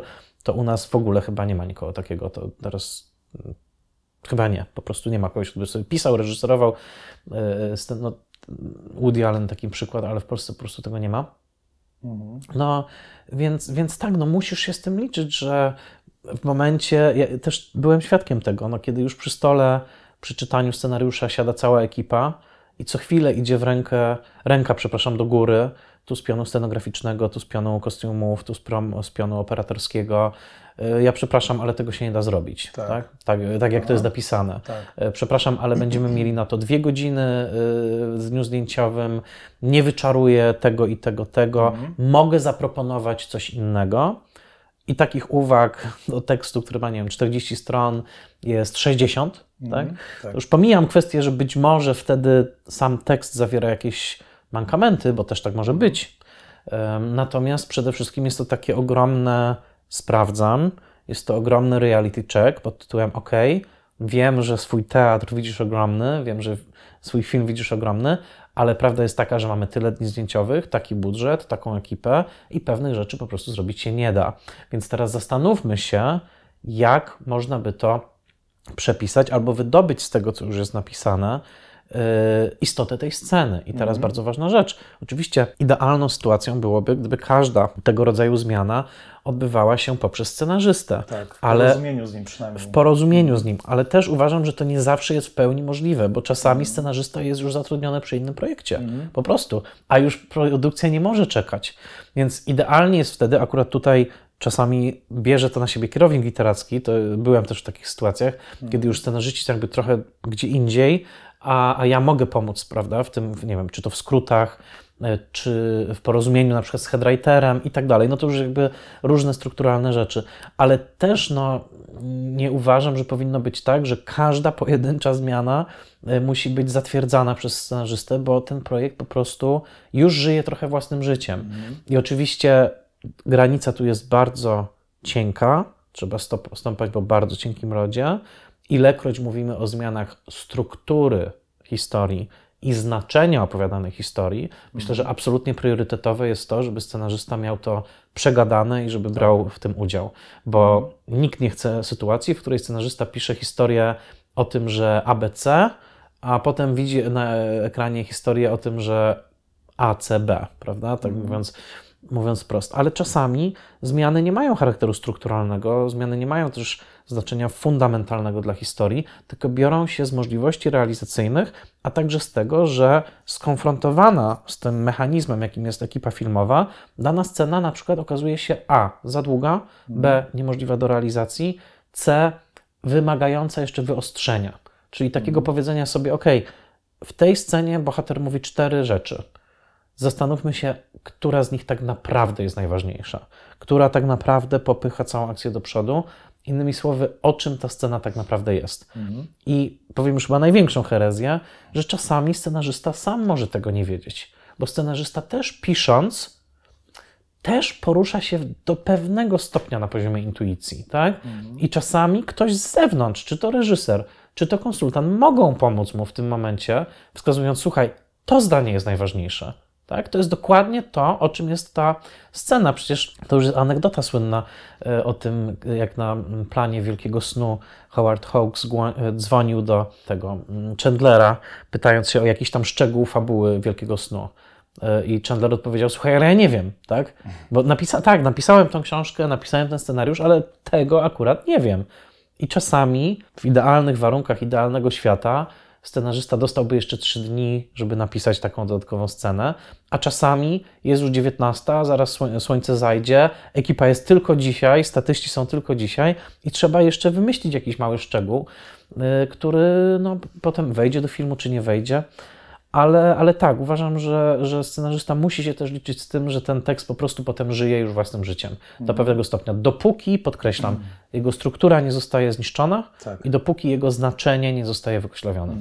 To ja w pełni popieram, w pełni się zgadzam. Też e, sam miałem takie przypadki, że e, widziałem na ekranie w telewizji odcinek, który napisałem, no i w, e, widziałem, widziałem, że tam jedna czwarta, jedna trzecia em, tekstu została zupełnie zmieniona i w ogóle mnie o tym nie poinformowano, no ale jakby zaakceptowałem to, że, że tak musiało po prostu być. Z jakiegoś powodu, prawdopodobnie z e, powodów realizacyjnych e, czy coś, e, zostało to tak zrobione. Wiesz, każdemu, każdemu bym życzył takiej sytuacji pracy, w której faktycznie czasu jest wystarczająco dużo, komunikacja jest naprawdę świetna, pieniądze nie stanowią problemu y, i, i w którym naprawdę można to wszystko zawsze przegadać. I, i, uważam, że każdy musi dołożyć starań, producent też, żeby w miarę się do tego zbliżyć, nie? Ale też są po prostu brutalne realia, takie właśnie realia budżetu, które sprawiają, że czasami to już nie jest możliwe, a czas tyka, nie? Znaczy zegar, zegar tyka. Mhm. Tak, myślę, że coś, co może być trudne często pod wpływem właśnie, kiedy, kiedy jest mało czasu, ale no, żeby starać się zawsze szanować pracę innej osoby, która robiła coś wcześniej przed nami. Jasne, jasne. I to może jakby nam oszczędzi wielu konfliktów później w przyszłości. Mhm. A, a powiedz mi, e, jak konsultujesz scenariusze, czy warto coś chwalić na przykład? Bo to, to jest coś takiego, że często konsultanci wymieniają szereg uwag, błędów w sensie, e, mówią to nie działa, to nie działa, może nad tym się pochylmy, zadaj, zadaj jakieś pytania. A co w przypadku, kiedy coś jest według e, Ciebie na przykład super napisane? No wiesz, no to ja jestem akurat, ja jestem akurat chyba, no nie wiem, czy już znany z tego, ale no ja jestem z tej szkoły, która absolutnie zaczyna od feedbacku pozytywnego, tak? To znaczy ja uważam, że każdą konsultację trzeba zacząć od tego, że chwalisz to, co ci się podobało, nie? E, Są też stopnie tego. No, ja zawsze zaczynam od tego, co mi się podobało. Mówię, że to jest ok, to jest fajne, i dopiero potem przechodzę do feedbacku negatywnego. Są szkoły całkowicie odwrotne, także, e, które zaczynają od kamienia między oczy, tak? E, Ja tak nie pracuję. Natomiast, wiesz, no może dwa czy trzy razy miałem takie wrażenie, że to, co przeczytałem, było tak dobre, że czułem się tym jednocześnie uradowany, może trochę nawet zawstydzony, że jest w ogóle tak piękny tekst przede mną. I wtedy też o tym mówiłem i mówiłem, że słuchajcie, to jest jedna z najlepszych rzeczy, jakie czytałem. Nie będę udawał, że mam tutaj kwadraturę koła i wymyśliłem wam jakieś super rozwiązanie. Ogólnie przede wszystkim wam gratuluję, ale myślę, że tu i tu i tu. Zdradzisz, jakie to tytuły? Nie, nie powiem, nie powiem, ale, ale były takie sytuacje. Niewiele ich było, ale tak, były takie momenty, że czułem, że to jest po prostu świetne. Y, W dużej mierze było tak z minutą ciszy, to od razu powiem. Nie? To potem mówię, pracowaliśmy dalej, były moje uwagi, nawet tak jak mówię, były wprowadzane, ale to były kosmetyczne, to była kosmetyczna praca redaktora bardziej niż kogokolwiek innego. No ale to też jest akurat plus tej pracy, że można poznawać osoby, które potem się bardzo podziwia, nie? Ja na przykład uważam, że na przykład właśnie Augustynia Glusiński świetnie piszą. Zawsze miałem ogromną przyjemność z kontaktu z, tekstu, z tekstem, na przykład właśnie Łukasza Sychowicza. Y, I to nie tylko The Office, bo czytałem też jego inne, inne rzeczy, które dopiero czekają na realizację. Nie chcę robić takiej wyliczanki, bo natychmiast pojawi się ktoś, kogo nie wymienię i będzie. To nie o to chodzi. Ale tak, są takie momenty, w których po prostu zaczynam konsultacje od gratulacji. Um, są konsultacje, które zaczynam po prostu od wyliczenia tego, że ok, podobało mi się to i to, bo ja w pozytywny feedback jednak wierzę. A są konsultacje, w których mówię może, nie wiem, jedną rzecz, która mi się podobała, a potem mówię podstawową rzecz to znaczy, że nie wiem, o czym jest film na przykład. No i nie wiem, nie wiem czy są okrutniej, okrutniejsze słowa do wypowiedzenia, nie? Na zasadzie, słuchaj, wiesz co, no przeczytałem testosteron, ale nie wiem, co to jest. nie wiem, co mi chcesz powiedzieć, nie wiem, kim jest ten bohater, jakby powiedz mi, bo chyba coś I missed something, tak? Tak, tak. To chyba najgorsza tak. sytuacja, tak. jak, tak. jak dostaje się scenariusz od znajomego, który prosi cię, weź przeczytaj, oceń mm. um, i czytasz ten scenariusz i w sumie później e, nie wiesz, czy powiedzieć, czy nie powiedzieć. Ja zawsze staram się mówić, w mhm. jakiś e, sposób przekazać, że no, to może, może to nie dla mnie na przykład. Mhm. Okej, okay, e, zmieńmy trochę temat. Mhm. Znaczy, wróćmy może do, do, do konsultowania, ale do samej idei tego i może pomożesz mi rozstrzygnąć to raz na zawsze. Czym tak naprawdę różni się praca konsultanta scenariuszowego od script doktora i mhm. na przykład kierownika literackiego. Okej, okay. więc script doktorem de facto chyba nigdy nie byłem. To mhm. znaczy, script doktor to jest w mojej definicji ktoś, kto dostaje zlecenie, żeby przepisać partię scenariusza i faktycznie bierze tą maszynę do pisania, jaką jest Final Draft czy Celtics i to robi mhm. na żywym, otwartym organizmie. Okay. I nie jest współautorem później, I, tak? I nie jest później współautorem. ghostwriter I takiej sytuacji, okej, okay, zahaczałem o nią chwilami, ale mhm. tego teraz nie rozwinę. W każdym razie nigdy w pełni nie, kimś takim się nie stałem. Mhm. Konsultant jest kimś, kto, że tak powiem, zrobi absolutnie wszystko oprócz napisania fragmentu, mhm. tak? Czyli jakby mhm. odbędzie godziny spotkań, napisze miliard uwag, przeczyta 10 draftów, ale sam faktycznie nie napisze nawet dialogu jednego, no nie wiem, może w formie sugestii, tak? Jakiejś mhm. możliwości. E, natomiast kierownik literacki to jest właściwie funkcja administracyjno-kadrowo-redakcyjna. Znaczy kierownik literacki przypisany przez na przykład daną stację, taką jak w moim przypadku Honor Plus, jest kimś, kto ma sprawować pieczę nad procesem pisania, tak żeby on odbył się zgodnie z regulaminem, e, zgodnie z harmonogramem, przepraszam, i jednocześnie ma pilnować, żeby to, co powstaje w ramach tego procesu pisania, było zgodne z zamówieniem. Stacja zamówiła serial X. Serial X w punkcie wyjścia miał być komedią o tym i o tym. Kierownik pilnuje, żeby to rzeczywiście było to, a nie żeby to było coś innego, tak, po drodze. Mhm. I ponieważ tutaj miałem no, spore doświadczenie w Kanal Plus i to przy bardzo różnych produkcjach, takich jak Pisarzy serial na krótko, ale też Planeta Singli Antologia, yy, Boże, Planeta Singli 8 historii, przepraszam, tak, tak. Yy, ale był to Anthology Series. Mhm. E, minuta ciszy, Strange Angels obecnie w zdjęciach, e, pisarze właśnie, tak jak wspomniałem, no i The Office.pl, którego dwa sezony w zasadzie już powstały, teraz drugi sezon czeka na premiera. No to tutaj miałem całą paletę, znaczy tak jak mówię, od na tym spektrum Minuta ciszy, która e, no, wymagała już takiej pracy bardziej stricte redaktorskiej, była bardzo już mocno, mocno zaawansowana, w momencie, kiedy ja tam szedłem, do Strange Angels, które, tak jak mówię, wymagało bardzo dużo także kreatywnego wkładu. Ale rolą kierownika, tak w jednym zdaniu, jest to, żeby pilnować tego harmonogramu, żeby być w kontakcie z piszącymi. W moim przypadku także czasami pomóc skonstruować Writer's Room, mhm. a także zasugerować pewne ruchy. Na przykład zasugerować ruchy dokumentacyjne, tak? To znaczy, nie wiem, piszemy serial, w którym ważną rolę odgrywa na przykład, nie wiem, wnętrze Ziemi, geologia, spróbujmy zaaranżować spotkanie z geologiem, tak? Mm. To oczywiście przy absolutnym współudziale produkcji tutaj, tak? To wszystko mm, tak. E, ma się pojawić wątek takiego sportu, no to spróbujmy zaaranżować spotkanie.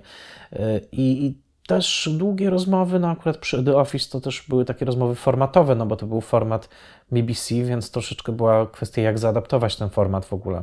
Mm. Więc też takie prace koncepcyjne do tego stopnia, że czasami też łączyło się to, nie wiem, z podpowiadaniem możliwości, które potem stawały się częścią odcinków. E, wręcz jakby przechodząc już w tą sferę kreatywną. Czasami były odcinki, w których podrzucałem możliwość jakiegoś mm, dialogu, czasami on wchodził, czasami nie. E, ale mówię o sytuacjach okazjonalnych, mniejszościowych, ale też tak było.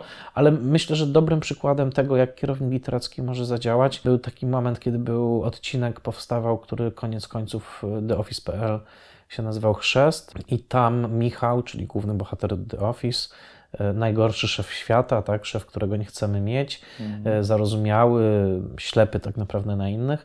Tam była taka, to był odcinek, który powstawał w bólach, bo istotą odcinka miało być to, że to Michał, który zazwyczaj wyklucza wszystkich, sam miał się poczuć wykluczany z jakiegoś powodu, że miał wyraźnie dostać sygnał, że nie ma czegoś, co wszyscy inni mają. I, I, różne tam były możliwości. Był właśnie wątek tego, że jeden z pracowników chrzci dziecko, pojawiają się te chrzciny, bo też naszym celem było to, żeby tam był od, odprysk polskiej rzeczywistości. I jakoś nie potrafiliśmy znaleźć, co to miałoby być co sprawi, że Michał nagle poczuje to wykluczenie i zacznie po swojemu, oczywiście po Michałowemu, uczyć wszystkich innych, jak należy tolerować każdego. No w każdym razie wtedy rzuciłem coś takiego, e, że a może, a może Michał nie ma bierzmowania, tak? ale jest poproszony o to, żeby być ojcem chrzestnym. Mhm. I w tym momencie on by rzeczywiście poczuł, że chciałby być tym ojcem chrzestnym, no ale nie może, tak? bo takie jest prawo kościelne, że, że, nie, że jeżeli nie masz bierzmowania, to nie możesz być tym ojcem chrzestnym. Mhm. I, I to było takie małe ziarenko, które po prostu rzuciłem w trakcie rozmowy, ale dokładnie ono się rozrosło w połowę tego odcinka. Tak? Znaczy chłopaki to podchwycili. Jest to sytuacja, która jest bardzo prawdopodobna, bo rzeczywiście mamy tą instytucję ich sztu, bierzmowania, pytanie właśnie, i okazało się, że Michał nie był bierzmowany. I to w ogóle bardzo fajne żarty też zrodziło, bo to jest mój, absolutna moja przyjemność pracy z takimi geniuszami, jak właśnie na przykład Kuba Różyło czy e, Łukasz Sychowicz, że jak rzuci się im jakiś temat, to oni w 5 minut są w stanie wygenerować pięć super sytuacji związanych z tym tematem mhm. i już zaczynają rzucać konkretne dialogi. I zawsze to jest po prostu niesamowite. To jest tak, jakbyś po prostu wrzucił frytkę do wrzącego oleju i nagle no. po prostu cały ten garnek zaczyna, tak. wiesz, e, buzować. No to dokładnie czymś takim jest writer's room mhm. y, zdolnych ludzi i dla mnie to był wręcz rodzaj przywileju, że mogłem się przyglądać nawet temu procesowi, a czasami nawet dorzucić swoją frytkę, tak? Mhm. Ale ogólnie rzecz biorąc, to była taka, taka radość no, z tego, że oni po prostu świetnie razem pracują, że wspólnie się nakręcają i, i że w takim writer's roomie jest rodzaj elektryczności takiej pomiędzy talentami tej miary, co właśnie e, ci piszący, o których e, wspomniałem. No potem jeszcze dołączył do nich Mateusz Zimnowocki, więc no to jest, to, jest, to jest radość, a czasami to też jest taka próba powiedzenia, słuchajcie, kurczę, coś tu nie wyszło, nie rozumiem, o co Michałowi chodzi w tej scenie, mm -hmm. tak? Albo, no nie wiem, to zakończenie nie działa, tak? Jakby cały odcinek jest poświęcony konfliktowi, nie wiem, XY, ale tak naprawdę nie dostajemy rozwiązania, nie, nie wiemy, co się, e, e, co się wydarzyło, więc tak też, mm, tak też bywało. No i także jako kierownik literacki, koniec końców, ja odpowiadam przed stacją. Stacja mm. musi zaakceptować te odcinki, które są dowiezione, ale jeżeli ich nie akceptuje, to stacja mówi mi, nie podoba nam się w odcinkach to i to i to, no to ja wtedy mhm. wracam do piszących ja im ten feedback przekazuję, pracuję z nimi, ustalam termin i później znowu zanoszę stacji i mówię: Słuchajcie, tu zmieniliśmy to, to, to, to, to. Zaznaczam na kolor, tak? Zobaczcie, to są te zmienione śrubki. Czy akceptujecie? No, okej, okay, akceptujemy. Albo nie, jeszcze tutaj mhm. to trzeba skreślić. Czasami nawet o poszczególne żarty toczyły się jakieś spory, prawda? Czy to będzie śmieszne, czy to nie jest za dużo, cudzysłów za dużo, mhm. albo czy to tak naprawdę się łączy z tą postacią, czy nie. Mhm. No to było, chociaż akurat mam wrażenie, że w The Office po, pozwolono nam na bardzo dużo, tak? To znaczy tam było dużo żartów, których ja na przykład jeszcze nie widziałem na, w polskim filmie. Jeszcze odcinek Krzyż w pierwszym sezonie był odcinkiem, który nawet myślę, że miał taką moc szokującą. Znaczy, jak pokazałem ten odcinek rodzicom, taki nieświadomy, bo byłem totalnie za, zajarany w ogóle tym odcinkiem, że poszliśmy, chłopaki poszli tak daleko, moi rodzice to obejrzeli i tak czułem pewien, że tak powiem, ciszę w pokoju, tak? Na zasadzie, czy wolno się śmiać z takich rzeczy. Mhm. No ale to chyba trochę też świadczyło o sukcesie tego scenariusza, mam wrażenie. A co byś doradził osobom, które rozważają zostanie konsultantem scenariuszowym? Czy na przykład według Ciebie trzeba skończyć jakiś kurs, żeby nim zostać? Y, myślę, że warto. Myślę, że warto i pewnie nie jeden. Myślę, mhm. że warto po prostu pobi po pobyć na kilku takich kursach, żeby też porównać metody, przy czym, wiesz co, ja nie wiem, czemu komuś doradzał zostanie konsultantem, że tak powiem, jako główny zawód, tak, bo, no nie wiem, ja, ja na przykład wiem, żebym nie był tym do końca usatysfakcjonowany, gdybym miał tylko tym się zajmować. Myślę, że bycie konsultantem może być fantastycznym dodatkiem do, do czegoś, nie? Czy do samego pisania, czy do nauczania, czy do tworzenia podcastu. Ja uwielbiam w tej pracy to, że jest ważnym, ważną częścią takiej mojej konstelacji zawodowej. Ale gdybym miał żyć tylko z tego, to nie wiem, czy by mi to odpowiadało. Dla mnie najfajniejsze w pracy konsultanta jest to, że spotykasz ludzi. Spotykasz bardzo różnych autorów. I jeżeli jest dobra chemia, no to pracujesz przez jakiś czas naprawdę z fantastyczną ekipą. Ale ja to podkreślę, ja nie wierzę w ten mit wszechstronnego konsultanta. Tak? Kogoś, kto zawsze znajdzie po prostu najlepsze rozwiązanie i kto jest takim fachurą. Jakby powiem wprost, słyszałem już tyle mm, nietrafionych interpretacji jakiegoś scenariusza, jakichś niedobrych rad albo rad wypowiadanych tonem absolutnej pewności które wcale nie okazywały się trafne. I sam Mhm. też przecież nie zawsze mam rację, tak? Jakby no to trzeba podkreślić. Jakby wchodząc w sytuację z konsultantem, po prostu wchodzisz w sytuację meczu, przerzucacie się piłką, tak? Mhm. Nie traficie wiele razy, konsultant też nie trafi wiele razy, ale jeżeli macie to zaufanie, jeśli chcecie przejechać tę część przejażdżki razem, to może coś z tego bardzo dobrego wyniknąć. To czasami może być ta jedna śrubka, która przestawi całą scenę, to czasami może być dopisanie całej postaci, to czasami może być przepracowanie całej struktury, ale absolutnie nie wierzę w taką kliniczną sytuację, że jest, nawet dlatego nie lubię tego słowa script doctor, tak? że jest chory scenariusz, przychodzi konsultant, wskazuje tu, tu, tu i tu. Nie, bo to jest bardziej e, skomplikowane i myślę, że dobrze by nam wszystkim zrobiło takie właśnie lepsze zrozumienie tej roli, że to, że to właśnie nie jest tak, że, mm, że tak powiem, better call Saul, tak? Zadzwoń, nie, znaczy, zadzwoń do konsultanta wtedy, kiedy czujesz tego konsultanta. Kiedy, polecam, na przykład, to jest bardzo fajne, spojrzeć na film polski, przy jakich produkcjach ta osoba pracowała. I wtedy widzisz, aha, czyli ona ma mniej więcej taki profil, tak? Nie ma tu seriali kryminalnych, ale powiedzmy, że są seriale z dużym komponentem, nie wiem, komediowym albo obyczajowym. Może Mniej ten. więcej jak poszukiwania reżysera, aktora. Tak, dokładnie, dokładnie, dokładnie. I przy dobrym Ja przebiegu. często z jakimś pomysłem czy scenariuszem, zanim się odezwę do kogokolwiek, do jakiegoś producenta, to sprawdzam go właśnie, co robił wcześniej, czy Tak. mniej więcej to się wpisuje w to, co on produkuje, co, co, czego on Dokładnie, poszukuje. dokładnie. I... I- powiem Ci, że najfajniej jest wtedy, kiedy już wiesz, masz taki przebieg z kimś. Teraz miałem, mówię, bardzo dobre doświadczenie przy, przy Strange Angels, yy, właśnie Balapolis yy, produkcja. No i to, to, to była po prostu przyjemność i myślę, że będziemy pracować jeszcze raz i tutaj zawsze masz, ja bym powiedział tak, zawsze lista do podziękowań jest długa, bo, bo kto się przyczynił do tego, że ja zostałem konsultantem? No wiele osób się przyczyniło e, które mi na różnych etapach różno okazywały pomoc.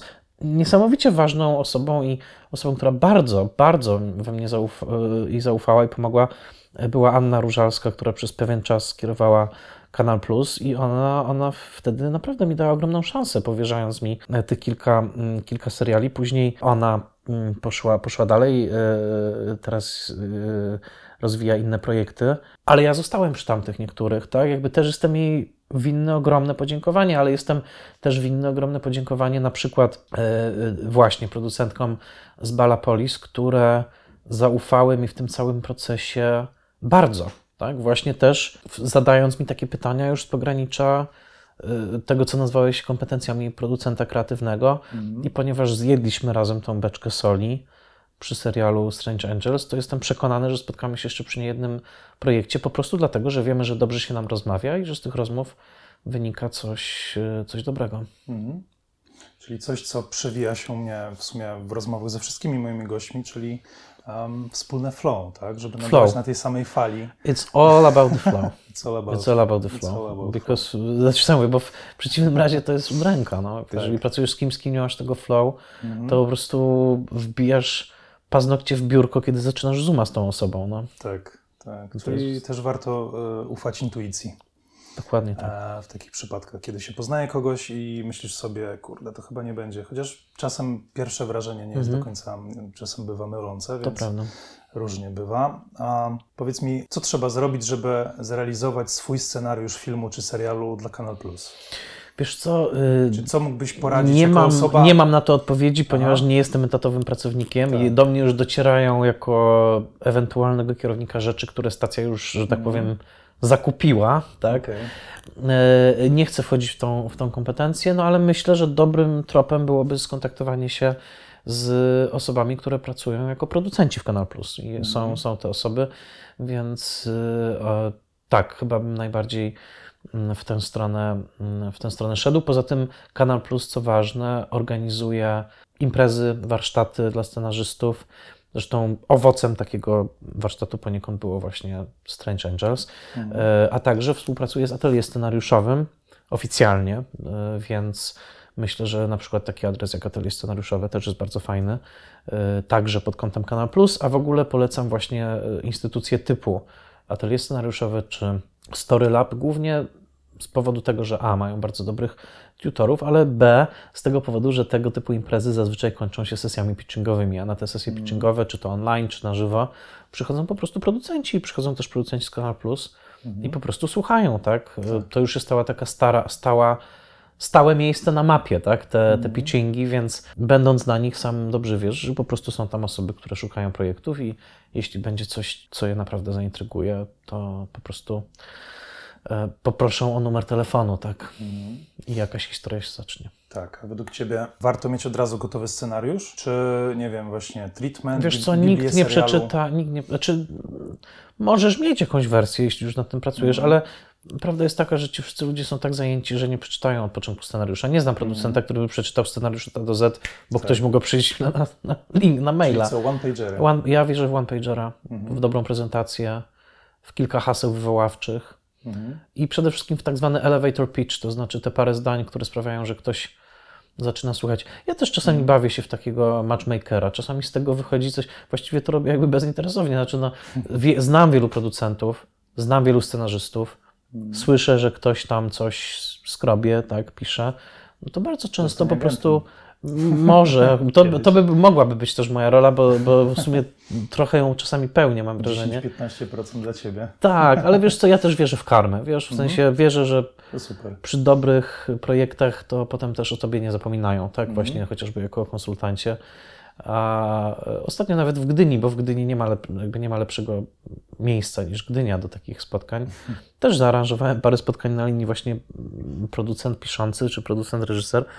No jestem ciekaw, co- z tego będzie, a jeżeli coś będzie, to wiem, że najprawdopodobniej też będę przy tych projektach, także to też jest działanie w, mojej, w, moim interesie, tak? Jeżeli mój matchmaking zadziała, no to szczęśliwa para zmaczowana może też zadzwoni do mnie i powie, słuchaj, fajnie, że stróża przedstawiłeś i teraz będziesz potrzebował anioła, więc ja, ja, ja, ja to lubię, ale oczywiście, tak jak mówię, robię to tylko przy projektach, w które wierzę, bo jeśli ktoś mi coś wysyła, mówi, no słuchaj, no naprawdę miałem takie przypadki, że dosłownie ktoś do mnie zadzwonił, powiedział, że ma taki one-pager. Ja mówię, no dobrze, ale nie mam czasu, ja nie mam czasu, powiedz mi o czym to jest, tak? Trzy zdania. Ja mówię, okej, chyba znam producentkę, która to zainteresuje, tak? Mhm. No i połączyłem ich. Film powstaje obecnie. Byłem przy nim konsultantem i super. No, Bardzo, fa- bardzo fajnie. Ale to tylko wtedy, kiedy ta osoba w tym krótkim pitchu powie mi coś, co naprawdę mnie zainteresuje. Bo Okej. jeśli nie, to powiem, słuchaj, nie wiem do kogo z tym zadzwonić. Po prostu nie wiem. Znam wielu producentów, ale to, co mi powiedziałeś, doesn't ring a bell. Tak? Po prostu nie wiem, w którym kościele to dzwoni. Tak. A jeśli wiem, proszę bardzo, chętnie Was połączę. A jeśli coś zadziała, no to, to też może przy tym razem popracujemy. Mhm. Super. Wiesz co, myślę, że będziemy powoli zmierzali do końca. Tak, właśnie patrzę na zegarek, też będę tak, powoli wchodzić. dlatego miałbym dla Ciebie jeszcze kilka Jasne, em, jasne. pytań. Em, przede wszystkim, jak doszło do tego, że sam e, zostałeś współscenarzystą, scenarzystą i dołączyłeś do ekipy Wszystkie Nasze Strachy, bo to jest bardzo... A, Tak, y, wszystkie nasze strachy, ogromna przygoda, bardzo fajna. Wszystko zaczęło się tak naprawdę od Daniela Rycharskiego, który tworzył swoją Mhm. sztukę, ale dla mnie historia się zaczęła w momencie, kiedy projekt już jakoś tam, jego tryby się kręciły.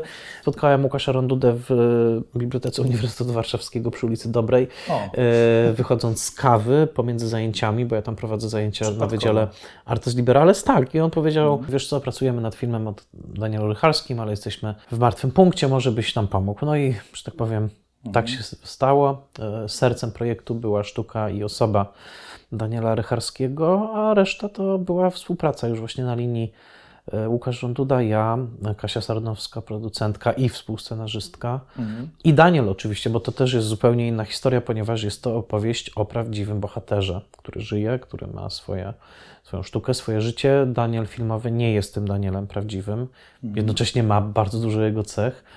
No i to była wielka przygoda. Myślę, że jak zaczynałem, to, to nie wiedziałem, jak wielka się okaże, w sensie takim, że to potem był jakiś tam też rozgłos, też temat, prawda, stał się o wiele bardziej nośny, bo kwestie LGBT w Polsce stały się takie bardziej zapalne, nie były aż tak zapalne w momencie, kiedy myśmy zaczynali pracę nad tym filmem, ale dla mnie to była przede wszystkim taka lekcja w cierpliwości, w tym, że to były rzeczywiście kolejne wersje, to było przepisywanie, to były wersje, które czasami ja na przykład na podstawie naszych notatek i spotkań spisywałem jakby całość, a potem na tej całości były przepisania, potem była kolejna wersja, y, jakby taki Frankenstein, który powstał y, jakby z wielu fragmentów.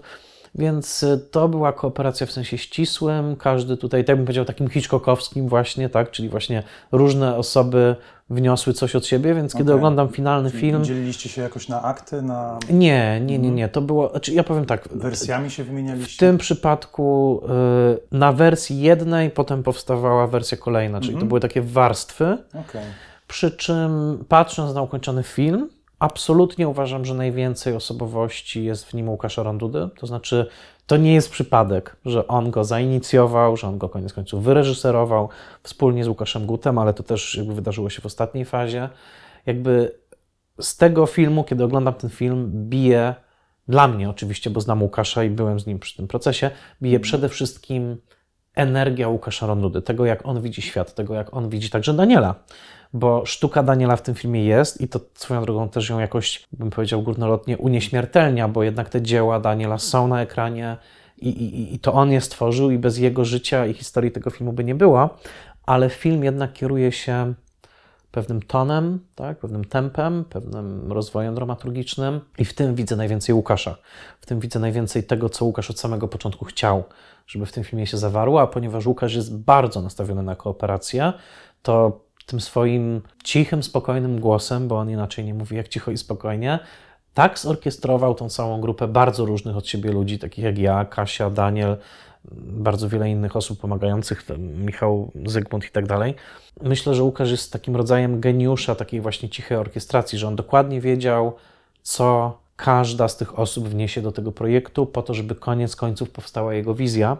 I, i myślę, że przy całej rozległej zespołowości tego filmu, kiedy oglądam go potem na ekranie, to tam najbardziej przebija mi właśnie ta nuta wrażliwości Łukasza, który chciał stworzyć film refleksyjny, który chciał stworzyć film bardzo wizualny. I tutaj ta ręka Łukasza Guta się okazała tak ważna, że wręcz y, przeszła już do współreżyserii, ale który od samego początku powiedział, że chce, żeby w tym filmie była taka nuta niemal religijnej, takiej ekstazy, jakiejś takiej właśnie fascynacji religią potraktowaną bardzo poważnie i to w tym filmie też jest.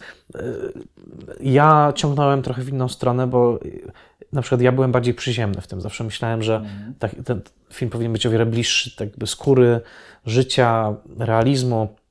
Kiedy zaczynaliśmy rozmowę o tym filmie, to mówiliśmy, że tam będą tylko nieznani aktorzy, tak, że to będzie takie bardzo surowe i ja byłem w tym obozie bardziej surowym. Jak się okazało, Łukasz miał wizję taką bardziej, że tak powiem, szerokoekranową, malarską, także z Dawidem Ogrodnikiem i tak dalej. Ale to koniec końców się pięknie zrosło i dlatego też myślę, że tak jakby z pokorą przyjmuję swoją rolę w tym procesie, bo ona nie była rzeczywiście mm, w 100% sprawcza. Ja wiem, że jestem częścią tej układanki. Jak widzę ten film, to dokładnie wiem, które że tak powiem, linijki dialogu są tam moje i przede wszystkim, która, bo to jest o wiele ważniejsze, który emocjonalny komponent tam jest mój. Tak? Znaczy jakby, że tam właśnie wniosłem tą cegiełkę. Tak? Mhm. I to było, to było bardzo fajne doświadczenie, bardzo też mi, fajne Powiedz mi, jakie to było ciebie, filmu. Mhm. Jakie było to dla Ciebie uczucie, jako osoby, która, wiesz, wcześniej zajmowała się scenariupisarstwem, e, zobaczyć po raz pierwszy film, do którego do, dołożyłeś taką fizyczną cegiełkę, w sensie tam coś na, wiesz, To było bardzo, pisałeś. bardzo wzrusz- wzruszające, tym bardziej, że Mhm. pokaz premierowy był e, na festiwalu w Gdyni, dla którego kiedyś pracowałem jako, jako dyrektor artystyczny, więc jakby Mhm. wróciłem No parę, parę lat później do Gdyni na premierę filmu, to było wzruszające same w sobie. A fakt, że film wygrał festiwal, no był już jakąś wisienką na torcie, której nikt się nie spodziewał. Naprawdę jadąc tam nie przewidywaliśmy tej sytuacji. No więc to była takie niemalże happy end jakiejś bajki, także po prostu piękniej niż sobie wyobraziłem. E, A, a też dużo się bardzo przy tym nauczyłem. Przy czym zawsze powtarzam, że moim największym marzeniem jest, żeby pracować z kimś przy filmie takim stricte gatunkowym. Tak? To znaczy, gdzieś tam mam takie marzenie, żeby pomóc skonstruować jakiś świetny thriller na przykład, tak? albo mm, komedię, co trochę się spełniło dzięki The Office, Mhm. Ale, ale przy takim filmie gatunkowym pełną gębą, nawet przy horrorze, a może przede wszystkim przy horrorze, bardzo chętnie bym popracował, bo, bo lubię to kino gatunkowe, mimo że często osoby mnie kojarzą z jakimś tam kinem bardziej arthouse'owym, to jestem fanem horroru, znam na pamięć historię horroru i em, nie jest to może gatunek zbyt popularny w Polsce, chociaż ostatnio Bartek Kowalski trochę zaczyna to zmieniać swoimi filmami. Ale tak, ja bym gdzieś tam chciał popracować nad czymś takim mocno gatunkowym, może jakoś krwawym, takim zaskakującym, odjechanym, bo zawsze uważam, jak widzę takie filmy w stylu Martwego Zła na przykład, Mhm. Raimiego, że to musi być niesamowita frajda, pracować nad czymś, co jest zrodzone z tak dzikiej miłości do gatunku. Także gdybym mógł świadkować procesowi powstania jakiegoś filmu, e, albo być jego częścią, też przy okazji używając wehikułu czasu, to pewnie bym się przeniósł na plan na przykład Halloween albo właśnie Martwego Zła. Takich filmów, które były, miały niskie budżety, ale były napędzane totalną pasją do nakręcenia czegoś w gatunku, czego jeszcze nikt nie widział. Więc e, z najnowszych przykładów to pewnie bym wskazał na It Follows. E, Coś za mną chodzi. To jest taki dla mnie nowatorski horror, który też pewnie by było bardzo fajnie być na tym planie. Ostatnie pytanie, Mhm. Znaczy w sumie przedostatnie, bo jeszcze jedno ostatnie jest takie bardzo krótkie. W związku z tym, co, co mówiłeś w ogóle o, o tym, ilu znasz polskich scenarzystów, jak się z nimi pracuje, to co ogólnie sądzisz o kondycji scenariopisarstwa w Polsce? Czy to prawda, co się mówi od lat, że w Polsce nie ma dobrych scenariuszy? Nie, to nieprawda. Czytałem bardzo dużo dobrych scenariuszy, czytałem też dużo dobrych scenariuszy, które nigdy nie powstały jako filmy. To też jest istotne. Myślę, że problem jest trochę gdzie indziej. To nie jest tak, że w Polsce nie ma zdolnych scenarzystów, tylko w Polsce jest stosunkowo mało naprawdę dobrze zbudowanych relacji scenarzysta-producent.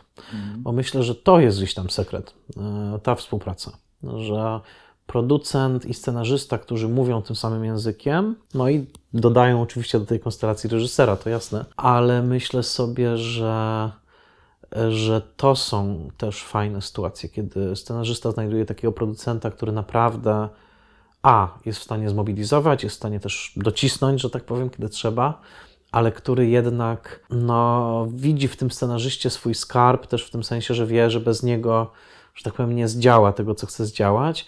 Myślę, że czasami niestety są też patologiczne sytuacje, kiedy producenci widzą scenarzystów niemalże jako zło konieczne, to znaczy, że ktoś to niestety musi napisać, tak? No i cóż, no dobrze, tak? Jakby e, e, e, wynajmiemy tę osobę, ale to tylko po to, żeby był jakiś dokument, tak? E, No to to jest bardzo smutne, to jest bardzo przykre.